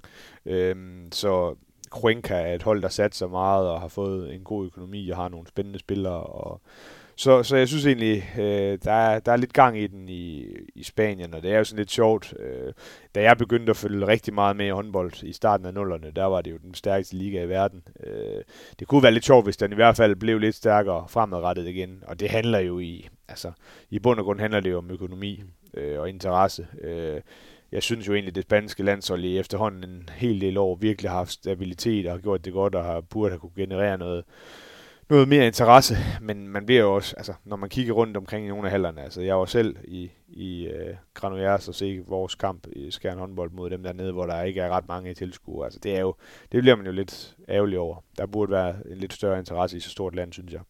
Øh, så der er jo der er potentiale i den spanske liga og udviklingsmuligheder. øh, men det der med, jeg, jeg tror, det kunne være rigtig, rigtig fedt, hvis der kom øh, en ny storsatsning med et hold fra en stor by i Spanien, som kunne presse Barcelona lidt. Det ville kunne gøre meget, men, men jeg tror mere på, at altså, den eneste måde, vi sådan kan få det på, det er, hvis det er den anden vej, at Barcelona skærer ned. Mm. Det var jo til, altså jeg synes, jeg, jeg var meget imponeret af Granulier mod, øh, mod Skanderborg Aarhus. Altså, mm. de var jo helt nede i sækken, fik kæmpet sig tilbage, og den der udkamp... Øh, altså, der synes jeg faktisk, man så, at det var også nogle, nogle af de spillere der, der havde både formatet og mm, altså under, under, under på en svær udbane og sådan. Mm. Altså, det, øh, kvaliteten var der, det synes jeg ikke, der var nogen som helst tvivl om. Øh, øh, fantastisk at se. Øh, da, da sæsonen startede, der talte vi om, at der var mange uafgjorte kampe i Spanien. Mm. Har du holdt øje med det? Jeg har faktisk holdt øje med det. Jeg har ikke nogen statistik på det, men der, der har været mange. Ej, men det er en meget, meget tæt liga, og det kan man også godt se på stillingen. Altså, der, det, det er tæt, og, og der er der er virkelig mange uafgjorte kampe. Men, men, men bare når man kigger hen, er det ja. klart, øh, Barcelona er stukket helt af. Mm. Men når vi så kigger sådan fra midten og nedad, der kan man i hvert fald bare ved at kigge på pointene se, mm. det er en kompetitiv liga. Ja, nu snakker vi om Gaudeners lige før, men de har jo faktisk nu her på det seneste haft en, et formdyk i, i, den, i den spanske liga og har tabt nogle kampe, øh, faktisk en hel del kampe her på det seneste. Så, øh, så der er mange, der kan slå hinanden i, i den liga, øh, og der er nogle spændende unge spanske spillere rundt omkring i, i, på holdene, som, som gør det rigtig godt, og som vi kommer til at se også øh, øh, rundt omkring i Europa fremadrettet. Så lad os tage et skridt videre på den iberiske halvø til Portugal, yes. som vi også har talt meget om. Det, ja, det, jeg, jeg gentager jo bare mig selv yderst dramatisk, ja. særligt i toppen. Det er jo faktisk de, her det er jo de mange fodboldklubber, som er der stadig. Der er øh, øh, Sporting Lissabon, Porto, Benfica og også Braga. Og det er jo et, øh, slår jeg efter, det er præcis de samme fire klubber, der ligger øverst i fodboldligaen. Ja. Så det, det er en fuldstændig... Øh, ja, de snakker jo egentlig sådan lidt mere om altså fodboldklubber. Ja, man kan sige FC Porto, det er jo en fodboldklub, men, men ellers er det jo sportsklubber. Det er jo sådan meget sjovt i Portugal, ja, ja. at de har jo de har sådan store øh, foreninger, hvor de har øh, eksempelvis Benfica og Sporting, så har de hvad ved jeg, 40 forskellige sportsgrene. Og så er det selvfølgelig fodbold, der er med længde er det største, men de har alt muligt andet også. De har en eller anden form for hockey, de har håndbold, øh, hvad hedder det, basketball, volleyball osv. Øh, det er egentlig det er meget øh, en sjov måde at bygge det op på. Øh, det er jo, kan man sige, det, er jo, det ser vi ikke rigtig på samme måde i, i, i Danmark og i Norden i det hele taget, men, men, men det er jo, som du siger, og, og jeg ved det også, altså de, de er meget... Øh, afhængige, de forskellige klubber, af de indtægter, de får igennem fodbold. Man kan sige for eksempel Benfica nu, nu går deres fodboldhold jo langt i Champions League, og formentlig får solgt nogle af deres spillere osv. Øh, det kan hurtigt have en indvirkning på nogle af de andre øh, afdelinger i, i selve klubben. Så det er jo lidt en, en sjov måde, det er bygget helt anderledes op, end det vi kender i Danmark. Ja, det ser vi. Altså, der hedder det jo lige præcis Aalborg håndbold, Skjern håndbold. Altså, det, det er... Det er jo selvfølgelig forsøgt ja. i Danmark, det her med øh, ja. fodboldklubber, der har prøvet med med håndboldklubber. Det er jo ikke rigtig sådan for alvor øh, vundet indpas. Nej, det kan man ikke sige. Nej. det, blev, det, blev, det blev forsøgt. Ja. Men, men det er det, og ja, nu nævnte du også jo, øh, det hedder jo også FC Barcelona. Mm. Øhm, så der har du også et eksempel, og i Østeuropa er der også masser af sådan nogle eksempler. Ja, og vi ser det jo også, altså, eksempelvis i Tyskland, altså Bayern har jo også ishockey eksempelvis, og basketball, mener jeg. Øh, så det, det er jo noget, der er brugt rundt omkring. Øh, Øh, og vi ser det jo også ja, i tophåndbold, altså med FC Barcelona, som du siger, med Paris så videre. Men som sagt, Sporting, vi, vi, her lige når vi taler håndbold, så tillader vi os at tage Braga ud af ligningen, og så sige Sporting, Porto og øh, Benfica. Før vi dykker ned i dem, hvordan går det med Jonas Tidemand? Jamen, jeg tror, det går godt. Øh, det er faktisk noget tid siden, jeg lige sådan har snakket med ham om den del. Altså, men jeg, som jeg kan forstå, så øh, han er jo gennemgået en operation, og det er gået fint. Øh, og så bliver han vel klar en gang øh, til den kommende sæson. Lige om det bliver til sæsonstart, det tror jeg ikke. Øh, men det er jo selvfølgelig, altså en korsbåndsoperation, øh, det tager bare noget tid. Det har jeg desværre også selv været igennem, og det er jo med at væbne sig med tålmodighed, og så få passet sin, øh, sin træning. Og det ved jeg i hvert fald, at det gør Jonas. Så øh, det, det skal nok en, blive godt. Han ligner også en, der har passet sin vægttræning. ja. Hva, øh, men havde han, så vidt jeg husker, kontraktudløb til sommer? Eller? Det er rigtigt. Mm. Øh, han, øh, der er ikke noget officielt meldt ud endnu i forhold til, hvad han skal. Øh, Monik han har styr på det, og Monik der snart kommer et eller andet. Jeg kan sige til lytterne, Rasmus smiler. Så det, det glæder vi os til at høre noget om. Øh, men Sporting Porto og Benfica, øh, skal vi også lægge noget ind i kalenderen på søndag, eller hvad er det? Øh, hvilke kampe skal vi sådan til at holde øje med? Det er sjovt, du siger det, fordi uh, Benfica Porto, um, det er den 23. april. Præcis. og det er selvfølgelig en meget afgørende kamp, men inden vi lige sådan snakker om den, så synes jeg, at vi skal nævne, at at Benfica har været øh, svingende på det seneste. Øh, de var tæt på at, at tabe på udebane mod Vitoria, hvor de vendte til allersidst, og så smed de et, et dyrebart point øh, ude mod Aquasantas, Aquasantas som øh, også er med i European League, og som vi også har snakket om tidligere i programmet, øh, fordi de startede i allerførste runde i den portugisiske liga med at vinde hjemme mod Porto. Så de har jo øh, gjort det godt. Det snakker jeg også lidt med tid, men om Sporting er glade for Aquasantas for tiden, fordi at, øh, nu har de både taget point mod Porto og Benfica, og det kan jo vise sig at være rigtig meget værd.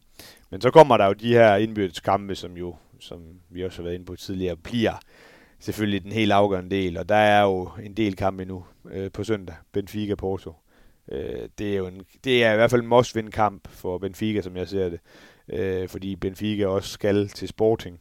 Øh, det er så den 27. maj, og inden da, så er der så Sporting, så skal de også lige en tur til Porto den 13. maj. Så det er jo, der, øh, de tre hold har øh, alle tre en hjemmekamp, og det bliver jo oftest afgørende. Men man kan sige, at Sporting har den fordel, at de har lige et point i forhold til de, til de to andre, fordi at de ikke har smidt point mod Aqua Santa. Så øh, det bliver også spændende at følge, og der er jo ikke noget, der overhovedet er afgjort endnu. Øh, Sporting, øh, det ved vi jo så heller ikke lige nu i forhold til European League. De har jo også stadig en, en mulighed der for at, at gå videre til, til et Final Four. Det vil selvfølgelig også være, være stort for dem. Øh, men ellers øh, var også skuffende, skuffende Benfica lige for tiden. De blev også, jeg troede faktisk, de måske kunne gøre noget ved Flensborg, men det kunne de da i den grad ikke. Mm. Så øh, altså, jeg synes, øh, det tror jeg også, vi var inde på tidligere, at de, øh, i et af de tidligere programmer, at øh, portugisisk håndbold, det er sådan lidt på vej øh, efter en hel del sæsoner, hvor det bare er gået en vej, og det præsterer så godt, så synes jeg, at øh, det har vist sig i Europa i år, at de ikke er helt så stærke, som de tidligere har været.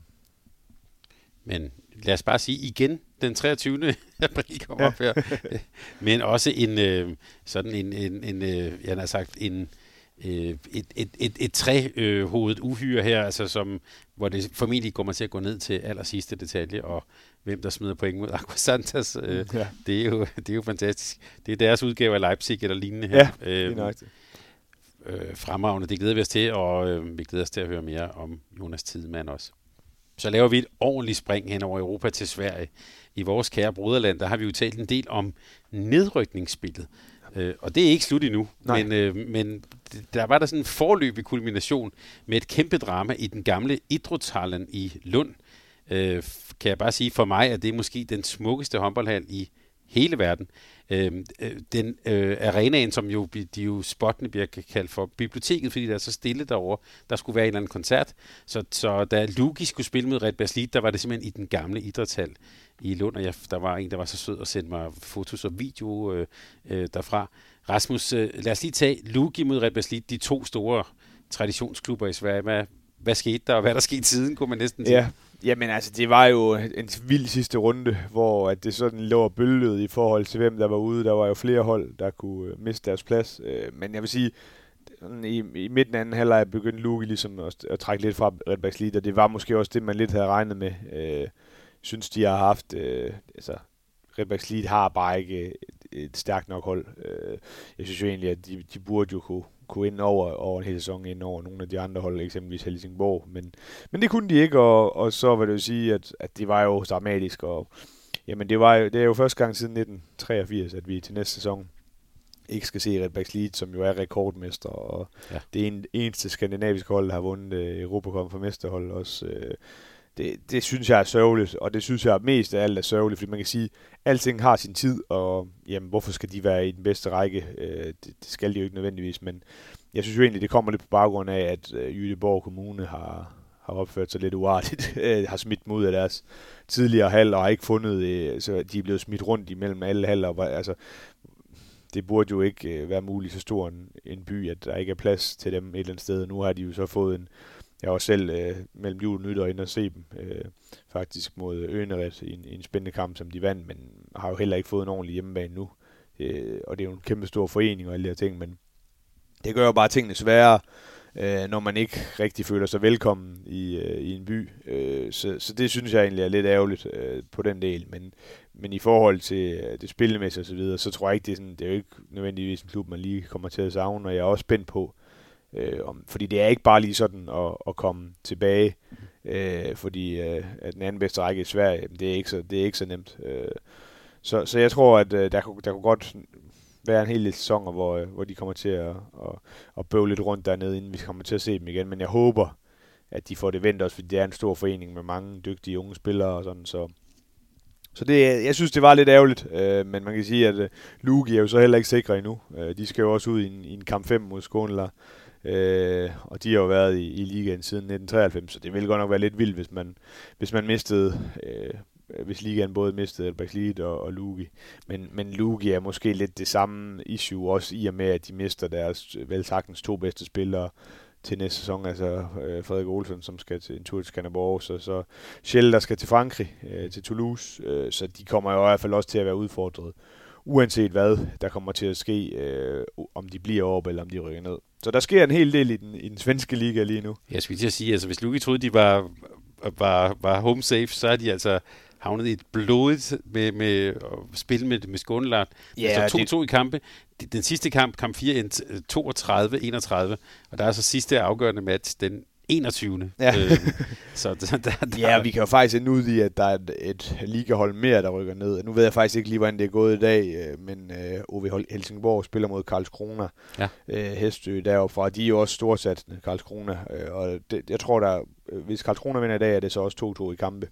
Så øh, der, der kan være tre øh, ligahold, der rykker ned. Det vil jo være lidt voldsomt. Og vi kan lige sige, at Lars Møller Madsen spiller ikke længere i Karlskrona. Men det, Nej, det gør men det, det, det har han gjort. Og Red Baslit, altså du har ret. Det er jo mest sådan nogle øh, håndboldhistoriske interesserede, som altså tænker Lille Selenbrødrene, Vislander. Øh, ja, Vislander var jo faktisk ude udtale, at det gjorde virkelig ondt på ham, ja. det her det var sket. Og han, han har jo, det er jo ikke ret mange år siden, han var en del af klubben, og det er han ja. så ikke mere. Så.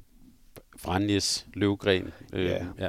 Ja, og også bare, altså, hvis vi bare tager nuværende, der er jo, det er jo ikke ret mange år siden, de har haft fantastiske spillere, og Pelika var jo hjemme og, og reddede ja. dem sidste sæson, ikke? Så så det er jo en, en klub, der har betydet rigtig meget for rigtig mange dygtige spillere. Så på den måde er det lidt, øh, lidt sørgeligt.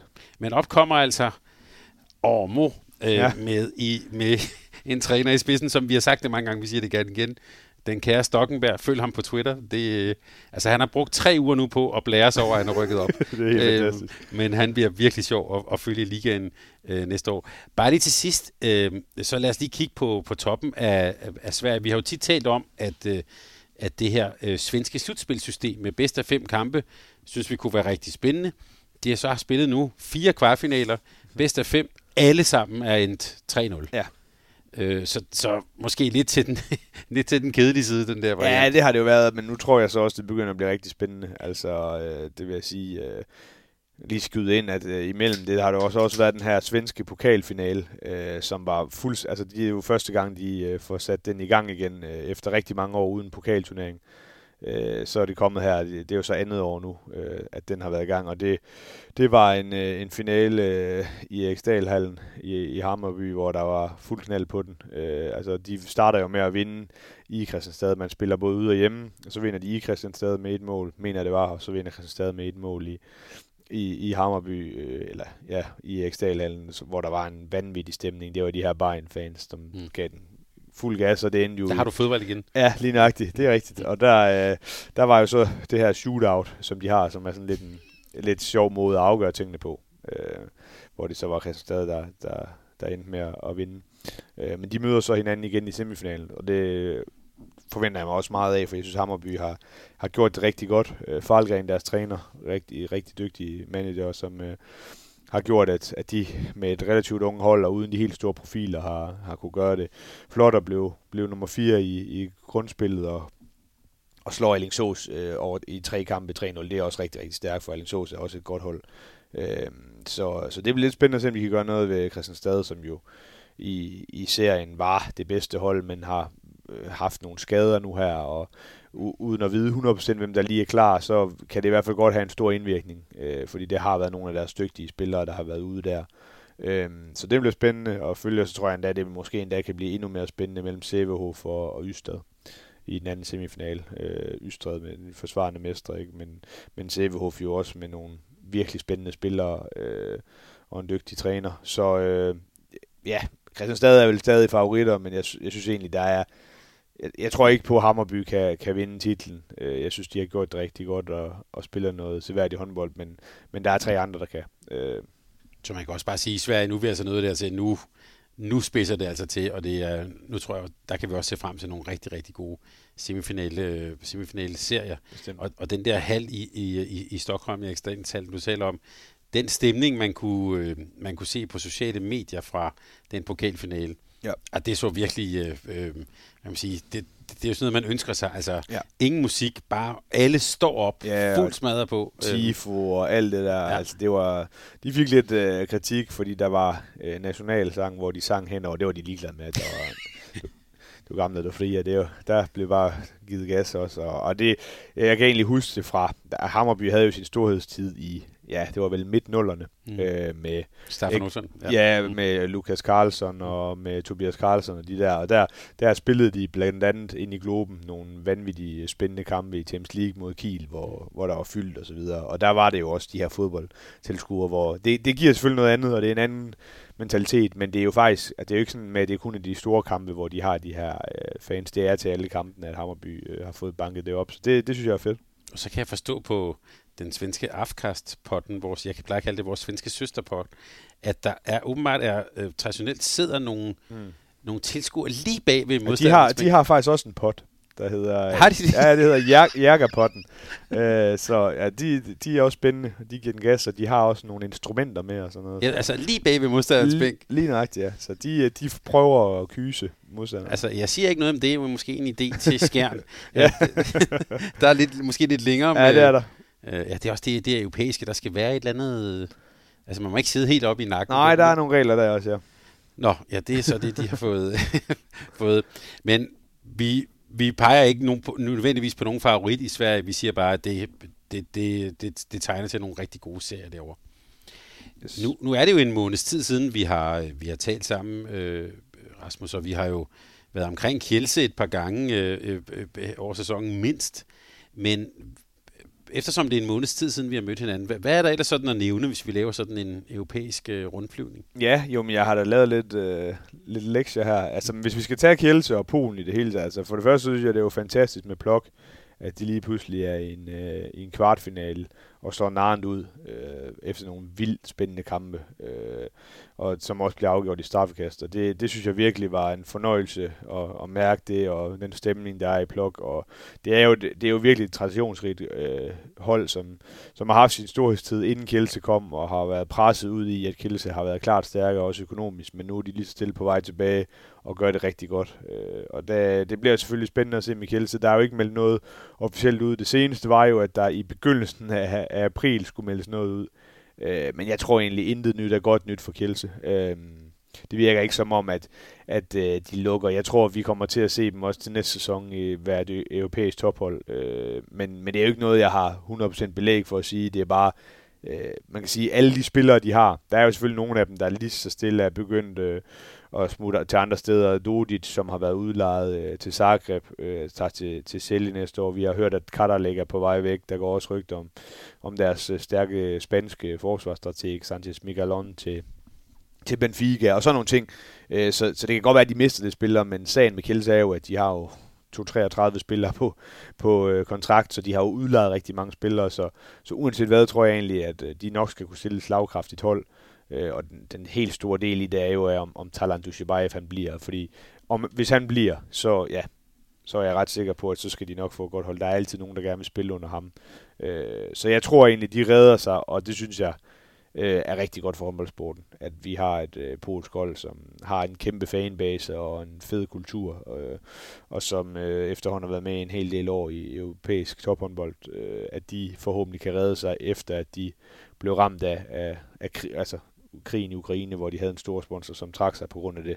Øh, der synes jeg, det er godt, at, at hvis de kan, kan fortsætte med det. Og jeg, det, jeg også ligger det mest i, det er jo, at for eksempel øh, Dushibayev, han har jo ikke fundet et andet job. Mange af de store andre, andre eller deres store profiler og spillere, det er jo ikke sådan, at de er blevet meldt til andre øh, øh hvad hedder det, hold. Jeg ved godt, at Remeli er blevet solgt for en hulens masse penge til Vestbrem, men det er jo det giver jo også god mening, når man er i finansielle vanskeligheder, at man så får solgt nogle af sine spillere.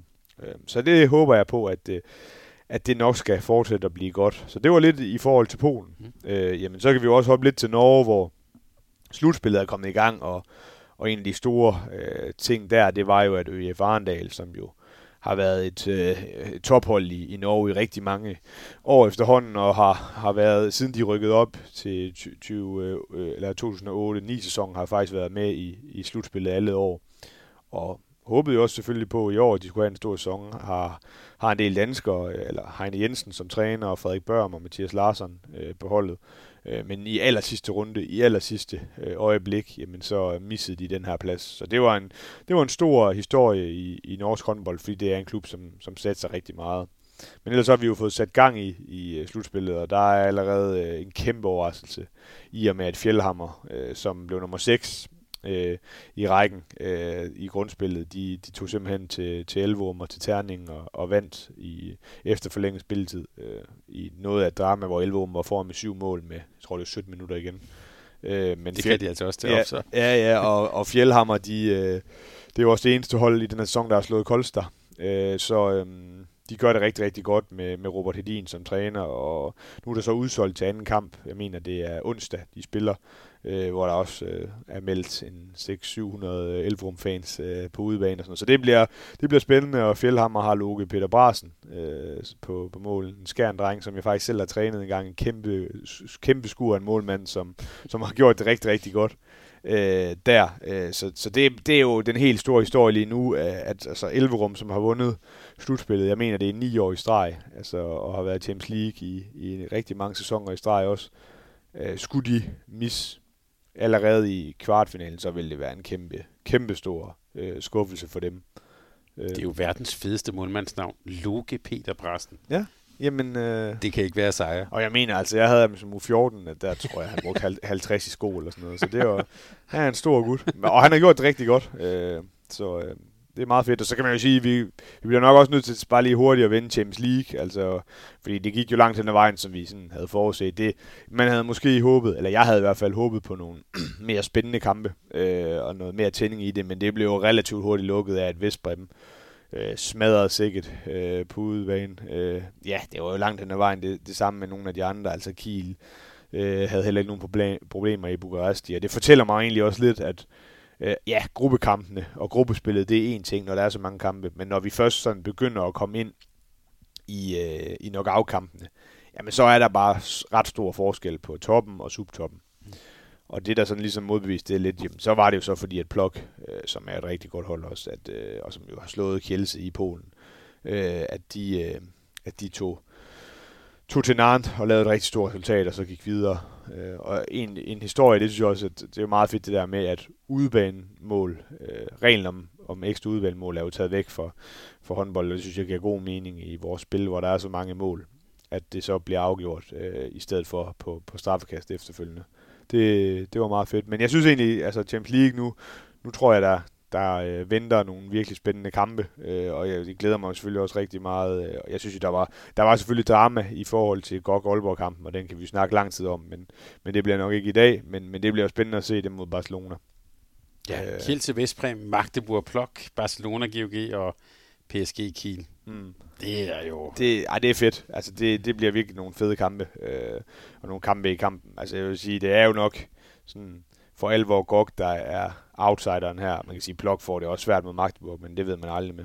Øh, men jeg synes også, det, var meget sjovt, at øh, jeg lavede jo også en lille statistik på det. Øh, og det kan, der kan jeg jo prøve at kviste lidt i. Altså, der er jo, skal se, 1, 2, 3, 4, 5, 6, 7. Der er jo syv hold nu, øh, som har haft, eller som har hjemmebane i en by med under øh, 50.000 indbyggere, som øh, har kvalificeret sig til en kvartfinal i Champions League. Og der er det jo så GOG, der er den mindste. Men, men kan du flere der?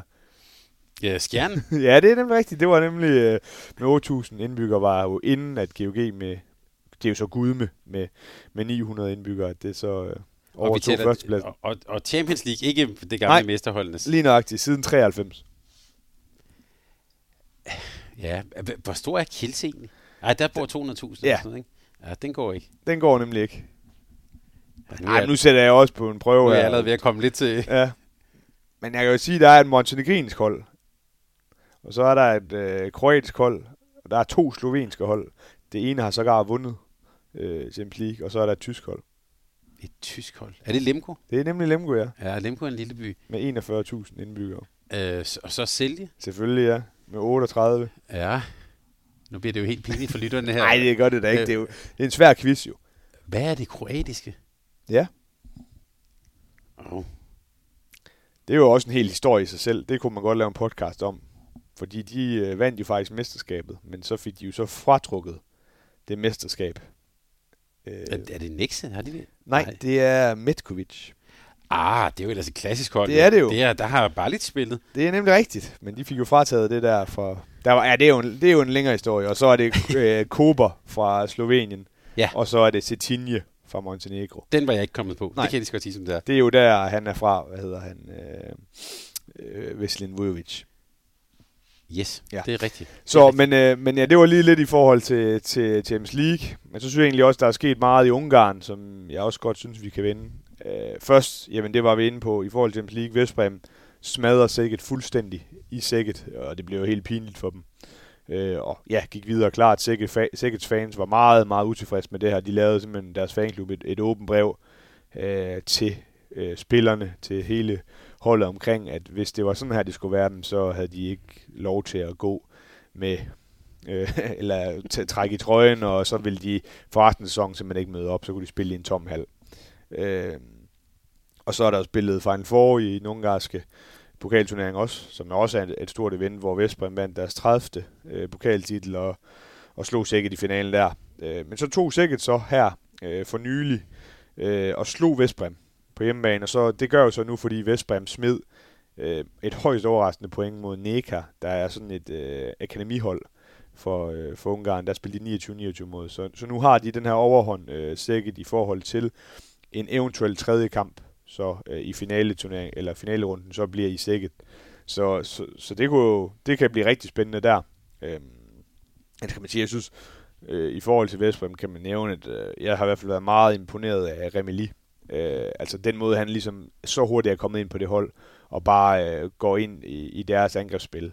Øh, og det virker rigtig godt med ham og eksempelvis Lauke. Øh, og Lauke, som jeg har spillet på et vanvittigt højt niveau. Øh, havde en, han havde en lidt, øh, lidt svær kamp øh, i sikkert senest, men har ellers været fuldstændig flyvende. Ja, så den Lauke, vi så i VM-finalen, Ja, han har også været til stede i Ja, Ungarn. men fuldstændig. Altså, han er, jeg er næsten, jeg kan ikke huske ham bedre, end han lige har været her på det seneste. Øh, i, ja, i det hele taget i, i 2023 har han været skarp. Det har han bare. Og så bliver der ved med at være vedholdende rygter i forhold til øh, Sævehofs træner, øh, Michael Abelgren, øh, i forhold til, at han på sigt måske skal være træner i Sækket, om det skal være næste sæson, hvor Pastor jo stopper, eller om det skal være om et par år. Det bliver i hvert fald uanset hvad spændende at følge der. Nu taler Appelgren, nu kommer jeg faktisk lige i tanke om øh, islandsk landstræner. Ja, og det, det kan vi jo så tage nu, fordi ja. det har jeg egentlig også skrevet på, øh, på bloggen. Der er kommet en hel del ud i dag i forhold til det. Øh, det har været lidt af en bombe, at Dago Sigurdsson, som var en af favoritterne til det, som jo er japansk landstræner, har simpelthen i et interview med en islands avis, øh, avis øh, fortalt, at han var meget indstillet på, at det kunne være spændende for ham at overtage posten. Han havde øh, også kigget på det i forhold til øh, det japanske landshold, hvor han har en, en kontrakt, der, der er længere, eller der drager ud over OL. Det er jo ofte sådan, man, man laver kontrakten der. Men den kunne han godt få lov til måske øh, at komme ud af. Og så har han så haft nogle indledende snakke med det islandske håndboldforbund, øh, og der udtaler han egentlig bare, at sådan nogle personer har han så ikke lyst til at arbejde sammen med. Så det har jo skabt en helt lille røre i andendammen deroppe lige nu. Det er jo et, en, en relativt øh, lille nation, hvor der er virkelig stor fokus på håndbolden. Øh, så, så, så det er en ting. Det virker i hvert fald ikke sådan umiddelbart til, at det er ham, der kommer til at tage over. Og der har så været en anden artikel i en anden islandsk avis i dag, hvor at Snorri øh, Gudjonsson bliver, bliver nævnt som den helt store favorit til jobbet. Han har jo gjort det fremragende i Valur, øh, godt nok her på det seneste. Øh, været lidt udfordret der, fordi de har haft mange skader, men alt i alt har, har gjort det rigtig godt der. Og så bliver, bliver blandt andet Kjeld Wilhelmsen faktisk nævnt, øh, som måske kunne være en, øh, en træner, der kunne indgå i et eller andet samarbejde i forhold til det. Øh, men der, der, der bliver så Michael Appelgren jo så også nævnt, øh, at det bliver så ikke ham, øh, men at han har været inde omkring det. Øh, så øh, der, der, det er stadig rimelig åbent deroppe, altså, men, øh, men det er godt nok lidt vildt, øh, det interview, der var der. Øh, så, så det var lidt overraskende, må jeg sige. De er faktisk ikke kedelige op på vulkanen. Slet, slet ikke. Så ved jeg også, du nævnte lige for mig, at øh, det eller europæiske internationale forbund, EHF, også arbejder, ja, de tager fat på den der lidt forkædrede ting om, om en challenge. Ja. Ja, altså de har jo faktisk været ude og melde ud om nye ting til den kommende sæson. Øh, Jeg har egentlig skrevet lidt, lidt af det, jeg ikke synes ret godt om, det her med wildcard, jamen det virker til, at det fortsat bliver en ting, Mm. og de kan faktisk bruge det endnu mere til den kommende sæson. Og så er jeg bestemt heller ikke fan af challenge, men det er en rigtig lang snak. Men det er jo noget af det, de vil afprøve. Det har vi prøvet lidt i Danmark. Det gik ikke sådan rigtig godt. Øh, Nej, men men nej. det, kan, det, bliver, det bliver spændende at følge. Nogle af de gode ting, synes jeg, altså det er jo sådan nogle små ting, som for eksempel timeout-bosser, som vi har haft lang tid. Altså i stedet for, man skal i Danmark, i stedet for, man skal have en grøn kort, så trykker man på en knap. Rigtig smart. og så lidt i forhold til det her video-replay, og altså, jeg- jeg har det sådan lidt med video, det skal kun bruges til nogle enkelte ting. Jeg er ikke sådan udpræget fan af den del, der er måske lidt gammeldags. Men når vi så nu har det i rigtig mange af de andre ligaer, så synes jeg, det er fint, også på, på slutrundebase, at vi får det, får det med i, i, i de europæiske turneringer. Så har man valgt at udskyde de her arenakrav, øh, der har været i forhold til, at man fra 2025-26 sæson, tror jeg det var, ville have, at der skulle være minimum plads til 4.000 i en halv i Champions League med sædepladser øh, på alle fire øh, sider. Øh, så det er der nok nogle klubber rundt omkring i Europa, der er glade for. Jeg er spændt på, om EHF så har tænkt øh, på en Claus Mogensen-regel, altså det der med, Ja, med vilje at tage et rødt kort. Øh, ja det bliver spændende, fordi der kender jeg godt nogle trænere omkring i Europa, der måske kunne komme til det. Ej, det var altså skægt, og til sydlandet havde han jo faktisk spurgt om det på et møde inden. Ja. Ja. Hvad sker der hvis? Mm. Okay, for rødt kort, jamen nu kan så ved Ja, jeg det. det, ja, ja.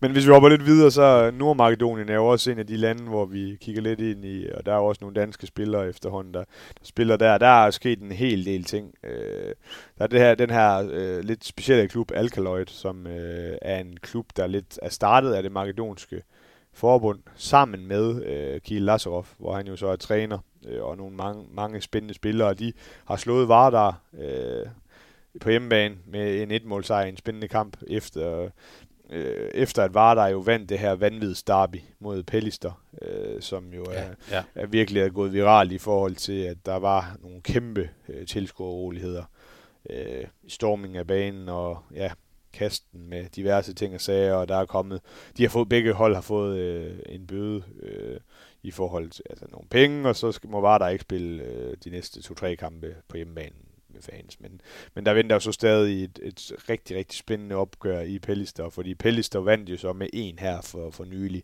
også i Alkaloid, og Alkaloid var faktisk sådan ved at kunne måske være med ind omkring titlen.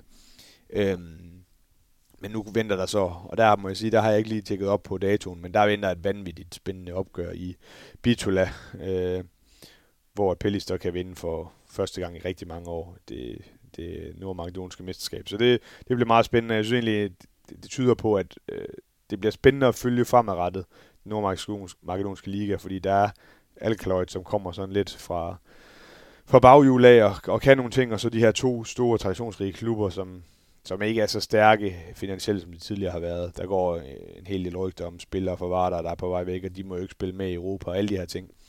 Så, så det, det tror jeg egentlig bliver spændende at følge fremadrettet, og i særdeleshed her i den, i den kommende tid, hvor at både øh, Kasper Kisum og Sebastian Henneberg kan, kan blive nordmakedonske øh, mester, og skulle de blive det, så kan jeg godt forestille mig, at det stikker rimelig meget af i Bitola. Øh, det, de har nogle vanvittige øh, passionerede øh, fans. Så, og hvis vi skal fortsætte lidt på de kanter, jamen så har vi Rumænien. Stoja Bukaresti har sådan været ude og melde ud.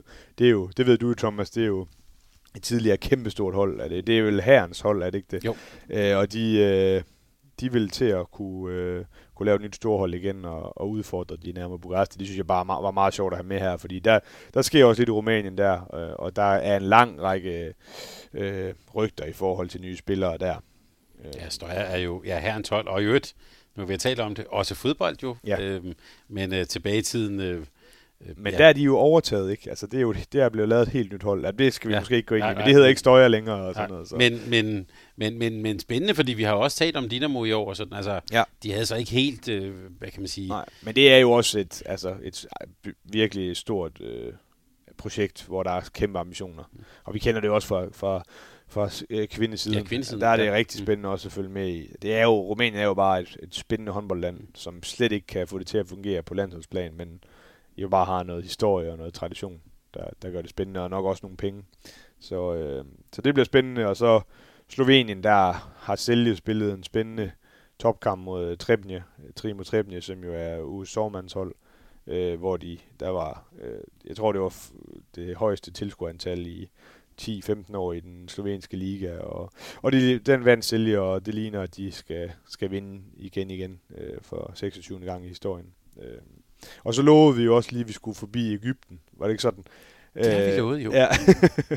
og der er det jo altid Al-Ali øh, og Zamalek, de her to øh, Cairo-klubber, som kæmper indad for, hvem der er, der skal vinde de her titler, og få muligheden for at komme med i Superglobe. Og og der har det så været Alali, det er David Davis, den her spanske træner, der har overtaget dem. Der har haft stor held øh, med den del, og de har vundet det dobbelt nu her. Så øh, der har været fest i, i Kajos gader. Men det var det, du sagde, de spiller tit, er det uden tilskuer eller uden... Ja, øh, hmm. og jeg kunne faktisk se, at den seneste kamp her, der har, og det har måske været 20, der har fået lov til at komme ind. Men ja, de, de, de må ikke, de, altså det er simpelthen for farligt. De kan ikke styre det, når det er inde i en hal i forhold til diverse ting. Men så er det så ofte sådan, at så er der store fester udenfor, øh, hvor man så altså, selvfølgelig holder fansen adskilt. Ikke? Så det er, det er lidt en, en anden verden, end, end vi har heroppe. Ja, det var godt. Jeg er glad for det, det med Nordmark, eller ikke glad for, men det med Nordmark, det var grimme scener. Ja. Det var sådan, altså når vi Voldsomt, ja. forestiller os sådan øh, diverse ting, vi har set med fodbolden, det var jo lidt derhen af. Altså. Ja, det var det jo, og ja, men også bare, det viser også lidt om kulturen og mentaliteten der, dernede. Der er jo eksempelvis et klip med, med Vardars øh, anfører, Stojan, Stojan Stojlov, som bare tænker, jamen så går jeg bare lige hen til de her hooligans. Og dem, der ikke gider at høre på, at de skal stoppe, dem øh, begynder jeg egentlig bare at slås med. Så øh, det, det, altså lige, ja, nu det griner jeg. Det, er, det er jo egentlig ikke Det er tragikomisk, at ja. det, altså, det, er jo, det er jo helt vildt. Så, øh, så ja, det er heldigvis meget, meget sjældent, de her ting sker. Men man kan sige, det er jo ikke første gang i, i deres opgør. Og nu bliver det lidt spændende at se, når det så er til i Bito laver en overledelse, vi gør. Men ja, altså, det siger jo alt om det, at reglerne til de her opgør er, at udefansene først må komme ind, efter der er spillet kvarter. Altså det, det synes jeg godt nok aldrig, man har hørt om tidligere, og det, det ville godt nok være specielt, hvis man skulle på en udbanetur her i Danmark, og så fik jeg at vide, at du, du kan simpelthen ikke få lov til lige at se det første kvarter, det er for farligt. Det... Men det virker også som om, sådan, vi, altså, når man så endelig kommer ind i halen, så er man jo helt pumpet op. Så skal man bare have fuld smad. Øh, ja. altså, det, det, jeg ved ikke, om det om, om, om det er klogt, eller også... Øh, altså, ja, i Ægypten kan det i hvert fald ikke være noget med alkohol, at de bliver for, øh, for, for fulde, Nej, det er men, øh, men, men, men, men voldsomt. Og man får lyst til at se sådan en egyptisk kamp. Hvis der kun er 20, der må komme ind, så er det måske... Ja, og man kan faktisk se nogle, jeg har set, men det er godt nok tidspunktet, det er sådan klokken 23.30 eller sådan noget, de har mm. spillet mm. nu her, de der kampe. Så det er ikke så meget af det, jeg lige har fået, fået kigget på, men ellers er der nogle spændende egyptiske spillere, som øh, der, der er jo gang i den der. Øh, og ellers har jeg ikke så meget på bloggen. Altså, der har været lidt i forhold til landshold, men det har vi jo været inde på med, med Island, øh, den her islandske landstræner. Det var ellers Marcin Lievski, øh, som er den her polske legende, der er blevet polsk landstræner til 2028, har gjort det rigtig godt øh, på klubplan for Gornik Zabrze, som er sådan et subtophold i, i Polen. Og ellers er det jo også en stor historie, at Jordi Ribera har meldt ud, at han stopper øh, efter øh, 2024 øh, OL mm. øh, som spansk landstræner. Det må man også sige. Øh, og ellers har jeg bare sådan en lille stikpille til IUF. Altså, de er jo, de er jo stadig ikke her nu. Hvad, nu, hvad er vi? Midten af april. Der er stadig ikke nogen, øh, nogen øh, hvad hedder det, spillere, der er blevet kåret til IUF Player of the Year for 2022. Så det bliver spændende, når man skal til at stemme øh, om det, forhåbentlig på et eller andet tidspunkt nu her. Der kan man jo helt sikkert huske, hvem der har været dygtigst i 2022, så det er jo, det er jo bare latterligt, men det, er jo det, man efterhånden kender dem for. Men det er godt, du siger det, fordi det er jo også, når vi nogle gange taler om det der med øh, altså vores sport og lille, om at tale mm. den op. Det her, det er jo at tale den ned. Ja. Altså, hvis man også ser på, hvordan de i fodbolden jo laver kæmpe shows ja. og sådan noget øh, over sådan en kåring. Ja, jeg synes jo det her, altså, der har jo også været nogle, nogle år, hvor så har de lavet en afstemning, så har de ikke fået nok øh, stemmer. Så er de simpelthen bare ladet være med at kåre en, mm. øh, en års spiller. Altså så kan man så sidde om 20 år og sige, hvorfor er der ikke nogen her, der er kåret, og og det er jo også i forhold til at sammenligne spillere og deres øh, karriere og sådan noget, mm. er det jo fuldstændig håbløst. Øh, men jeg ved ikke, hvad man skal gøre ved det. Man kan jo ikke gøre noget. De... Men det er også i fodbold, der har man jo rigtig meget, når man, hvis man på vores fodboldkanal mm. på Mediano, altså det er jo typisk, når man taler om en stor spiller, så er det sådan noget, så vandt han Ballon d'Or det, det og sådan, altså, Ja, ja, de har jo også altså, en helt anden måde at gøre det på, hvor at der er en anfører for landsholdet, der stemmer, og ja. en journalist og en øh, landstræner og de her ting, og det er jo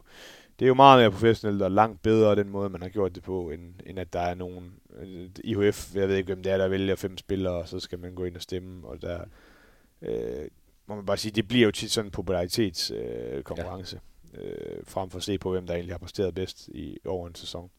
Godt, du nævner det, og hermed bragt videre. Rasmus, øh, og til lytterne kan vi sige tak, fordi du har holdt ud. Der har virkelig, der har virkelig været meget godt, men vi skal lige slutte af på, øh, øh, på øh, med et virkelig med, med et stort brag her til sidst. Ja. Vi plejer jo at have en top 5 som, øh, som, som, som jeg giver dig for. Men den her gang, der har vi på opfordring fra en opmærksom lytter, så har vi en top 10 over skandinaviske klubber. Altså det var en, det var en lytter, der, der egentlig øh, spurgte dig, hvordan vil du rangere sådan ja. de skandinaviske klubber over for hinanden? Og med Skandinavien, der forstår vi altså Danmark, Norge og Sverige. Ja. Øhm, bare for at være helt sikker. Øhm, så jeg får lyst til at spørge, hvordan ser din ranking ud, og er skærn med? Men det får vi at se. Øhm, skal jeg selvfølgelig med, Thomas. Jamen, hvis vi skal tage dem nedefra, jeg, jeg, eller jeg skal måske starte med at sige, at det er jo en svær øvelse øh, i forhold til, hvordan overledes man skal gøre det. Jeg har jo kigget sådan lidt på, på nuværende, men også lidt i forhold til, hvor stor er klubben, og altså, tilskuer, alle de her ting. Det er jo ikke, altså, øh, traditioner og alle de her ting, men, men, men det er en svær øvelse, øh, og man kan jo selvfølgelig sige, at altså, Danmark er den bedste liga, men der er jo også nogle af de øh, holdene i Sverige og Norge, som, som har gjort det godt på europæisk plan, men også lige stille øh, har gang i nogle projekter. Øh, men, men jeg synes jo egentlig, KF Kolding har jeg egentlig med som nummer 10, og man kan sige, der er jo ikke så meget stabilitet, men i forhold til over flere sæsoner. Men jeg synes, det de har præsteret i, i år også, øh, kvæg, jeg synes, de har et virkelig, virkelig stærkt defensiv, måske en, en af de allerstærkeste i Skandinavien lige nu, så synes jeg egentlig, at de hører til en top 10. Øh, man kan jo sige, der er, der er jo en lang række danske hold, der sådan ligger øh, og kan øh, slå hinanden på dagen, øh, men, men Kolding har, har været øh, stabil og blev jo også nummer 5 i, i ligaen og var tæt på også øh, at blive 4 og så videre. Så, så jeg synes egentlig, at, at sådan over en sæson har de vist sig, at de, de kan godt lige snige sig med øh, i en top 10. Så har jeg Elverum håndbold som, som nummer 9. Øh, deres øh, sæson i år har jo været undervældende øh, og har ikke gjort det godt, men hvis man sådan kigger over de seneste fem år, så har de jo præsteret i Europa. De har egentlig også i den her sæson jo lavet nogle resultater øh, i Champions League øh, og, og har vundet, øh, ja, jeg mener det øh, slutspillet i Norge øh, ni år i streg. Så, øh, og har udviklet virkelig, virkelig mange dygtige spillere, og det er jo, det synes jeg også er en del det, af det at være en, en stor klub. Øh, hvis du kigger på nogle af de dygtigste spillere rundt omkring i Europa, mm, så er der faktisk mange af dem, der har været øh, i, øh, i Elverum. Så det er en rigtig godt, rigtig godt udstillingsvindue der, og har også en god kultur i forhold til fans osv. Men de, og, og de havde måske også været højere op for ja, i sidste sæson. Nu synes jeg egentlig, der er et par svenske hold, der måske har overhældt lidt øh, kvad deres niveau. Øh, og det er så Sevehof på nummer, nummer 8. Øh, det er jo verdens største klub, håndboldklub, mål på, øh, på medlemmer. Øh, de har ikke den store opbakning sådan øh, tilskuermæssigt, men jeg synes også, det er en af de klubber, der udvikler allerflest spillere, og en dygtig træner og nogle øh, enere i år, som gør, at de øh, er helt sikkert en af de hold, der spiller mere omkring det svenske mesterskab. Øh, og så har, der, har jeg Christian Stad lige efter, eller som nummer syv. Mm. Øhm, jo også en stor klub, som havde en storhedstid for, for nogle år siden, og har haft det sådan lidt sværere nu her, men stadig et rigtig højt tilskuer gennemsnit i øh, en fed hal og nogle fede fans, og, og har været ret suveræne i øh, grundspillet i år i Sverige. Så derfor hopper de lige ind på en 7. plads. Man kan sige, øh, Kolding, Elverum, Sevov og Christianstad, og egentlig også min, min 6. plads i Skanderborg hos håndbold. Jamen, jeg tror egentlig, de er sådan på dagen niveaumæssigt ville kunne slå hinanden. Så det er sådan meget svært øh, ligesom øh, at, at gøre noget der. Men, men jeg synes, Skanderborg Aarhus også i Europa i år har vist, at, at de har et topniveau, og de har nogle spillere, øh, Thomas Arnoldsen er selvfølgelig, har vi altid hiver frem, men også en Salah Boutaf eksempelvis, mm. som det, der, der tror jeg egentlig, at deres øh, topniveau, det viser de jo egentlig også øh, i dag, hvor de tager til Gud med, øh, og på trods af en hel del skader, er meget, meget tæt på at vinde og, og få et point mere. Sådan. Der synes jeg egentlig, at, at deres niveau øh, gør, at de måske lige er en tak foran de andre. Ja, det har også været Christian. De to hold har jo mødt hinanden i år. Ja, øh, lige nøjagtigt. Og så altså med, ja, med, med, med dansk gevinst, men, ja. men med en god kamp også. Ja, lige nøjagtigt, og det er, det er som sagt lidt på dagen øh, fra, fra 10 til 6, og så synes jeg jo egentlig, at, at Koldstad måske har været det hold, der har været sværest at vurdere. Øhm, men når man taber en kamp i den norske liga, øh, egentlig hvor de har vundet den, og, har, og så hvis du kigger på lidt af de spillere, de har, og måske også lidt med et blik hen på den kommende sæson, så er det jo et hold, jeg er lidt svært ved at have uden for, for top 5. Øh, og det kan også godt være, at de kommer lidt højere op til næste sæson. Men de har i hvert fald en, en fantastisk god defensiv. Øh, Bergerud på mål, øh, Gullerod og og Vetle Aga på, øh, altså i midterforsvaret, så det er jo sådan nærmest et norsk landshold der. Øh, og så Smarterson, som er en fantastisk spiller, og Sigvaldi Gudjonsson. Så de har jo nogle, nogle rigtig spændende øh, og gode spillere, og så har de nogle unge spillere, der er på vej frem. Øh, selvfølgelig også i Berge en, en dygtig træner, og de har virkelig øh, fået deres tilskuergennemsnit op. Øh, Trondheim er jo en stor by, mm. men de har jo haft et par kampe med, med op mod 10.000 tilskuere også i Trondheim Spektrum. Så der er, der er virkelig gang ind i Koldsted, og det bliver et spændende projekt at følge selvfølgelig i særdeleshed også til den kommende sæson, hvor der kommer nogle store kanoner. Øh, de har selvfølgelig også nogle ambitioner der. Så har jeg så smidt øh, skærn ind som nummer 4, og der kan man sige, at der er jo så måske lidt... Øh, udfordret i og med, at jeg er i klubben, så øh, det, det kan man synes om, hvad man vil. Jeg synes jo, at vi har et godt hold, øh, som vi har selvfølgelig været ramt meget af skader øh, i den her sæson, øh, men et hold, der vi også har vist, at på dagen kan vi slå de, den top 3, der kommer nu her. Øh, og ja, en traditionsrig klub. Øh, jeg ved ikke, var det 26. år i streg, vi har været top, øh, top 8. Det siger jo også lidt af den kontinuitet og, og det anden højeste tilskuergennemsnit øh, i Danmark. Så det er jo verdens mindste storklub, så altså der, det, det, det er en fjerdeplads, der kommer der. Og så synes jeg, at Bjergenbo Silkeborg i den her sæson har været ufattelig mm-hmm. stabile, så de kommer ind på en træer. Jeg synes virkelig, at, øh, at de har gjort det godt. Øh, og, og jeg kunne sagtens se dem øh, få en rigtig stor sæson så må vi så se, hvad det betyder. Men, men øh, har, har handlet godt ind, og det bliver også endnu mere spændende til den kommende sæson. Øh, også det her med, at de, øh, selvom øh, øh, William Bogojevic gik ud i starten af sæsonen, som jo var en af deres helt store spillere, så har de bare haft øh, Mads Kjeldgaard, som så har taget den rolle, og jeg synes, de har et godt hold øh, med en god fysik, god defensiv. Og så er det sådan lidt Aalborg eller Gok, øh, Gok eller Aalborg, men altså hvis vi kigger lige nu, øh, som har jeg smidt øh, op på en førsteplads, øh, i og med at de også slår Aalborg ud i Champions League og alt det her, øh, men, men det er jo klart, at Aalborg, med de skader, de har lige nu, der er det selvfølgelig også svært for dem, så, og der er også noget, der spiller ind. Altså, de er jo, det er jo øh, dem, der har den største i, i Skandinavien øh, opbakning, øh, og selvfølgelig også det største budget, øh, og, og en fantastisk klub, der virkelig... Jeg har kæmpe stor respekt for den måde, de ligesom har, har udviklet deres klub på, øh, og lige pludselig står og har øh, en kæmpe stor hal, som egentlig er for lille til dem, fordi der er så stor opmærksomhed øh, om, at, om at komme i halen hos dem. Så, så det kunne være dem, der har været på nummer et, men så bliver det så lige GOG nu, som jo så også har kæmpe stor respekt for den måde, de har er kommet tilbage efter deres konkurs. Øh, så nogle fede klubber, og igen en sjov øvelse, men øh, ikke det nemmeste. Så fire danske klubber i toppen, det, ja, man kunne sige, at det, det er det klaphatten, der taler. Det har det ikke været, det, sådan som det, og vi kan også bare se på de europæiske ja. resultater, altså de, de fire hold, du har øvet, så mm. er jo også øh, og, og når man sidder og laver det, så tænker man jo egentlig, altså det kunne jo faktisk være lidt sjovt, men jeg ved jo godt, at afstanden er store. Mm. Men, altså sådan en skandinavisk liga, mm tror jeg virkelig kunne være seværdig. Øh, men det, det får vi nok ikke. Det kan være, der kommer en eller anden Royal League på et eller andet tidspunkt. Jeg skulle lige sige Royal League. Det er jo ja. lidt, et, lidt et skældsord i fodboldkredse. Men, ja, øh, lige nøjagtigt. Men, men der er i hvert fald efterhånden en hel del spændende klubber øh, i Skandinavien, og både den norske og den svenske liga bliver også hele tiden bedre, ligesom den danske gør. Spændende, og øh, det havde jeg faktisk ikke tænkt på på forhånd, men du har jo faktisk også givet lidt din sådan vurdering af styrkeforholdet i, i dansk håndbold, mens vi taler slutspil lige nu.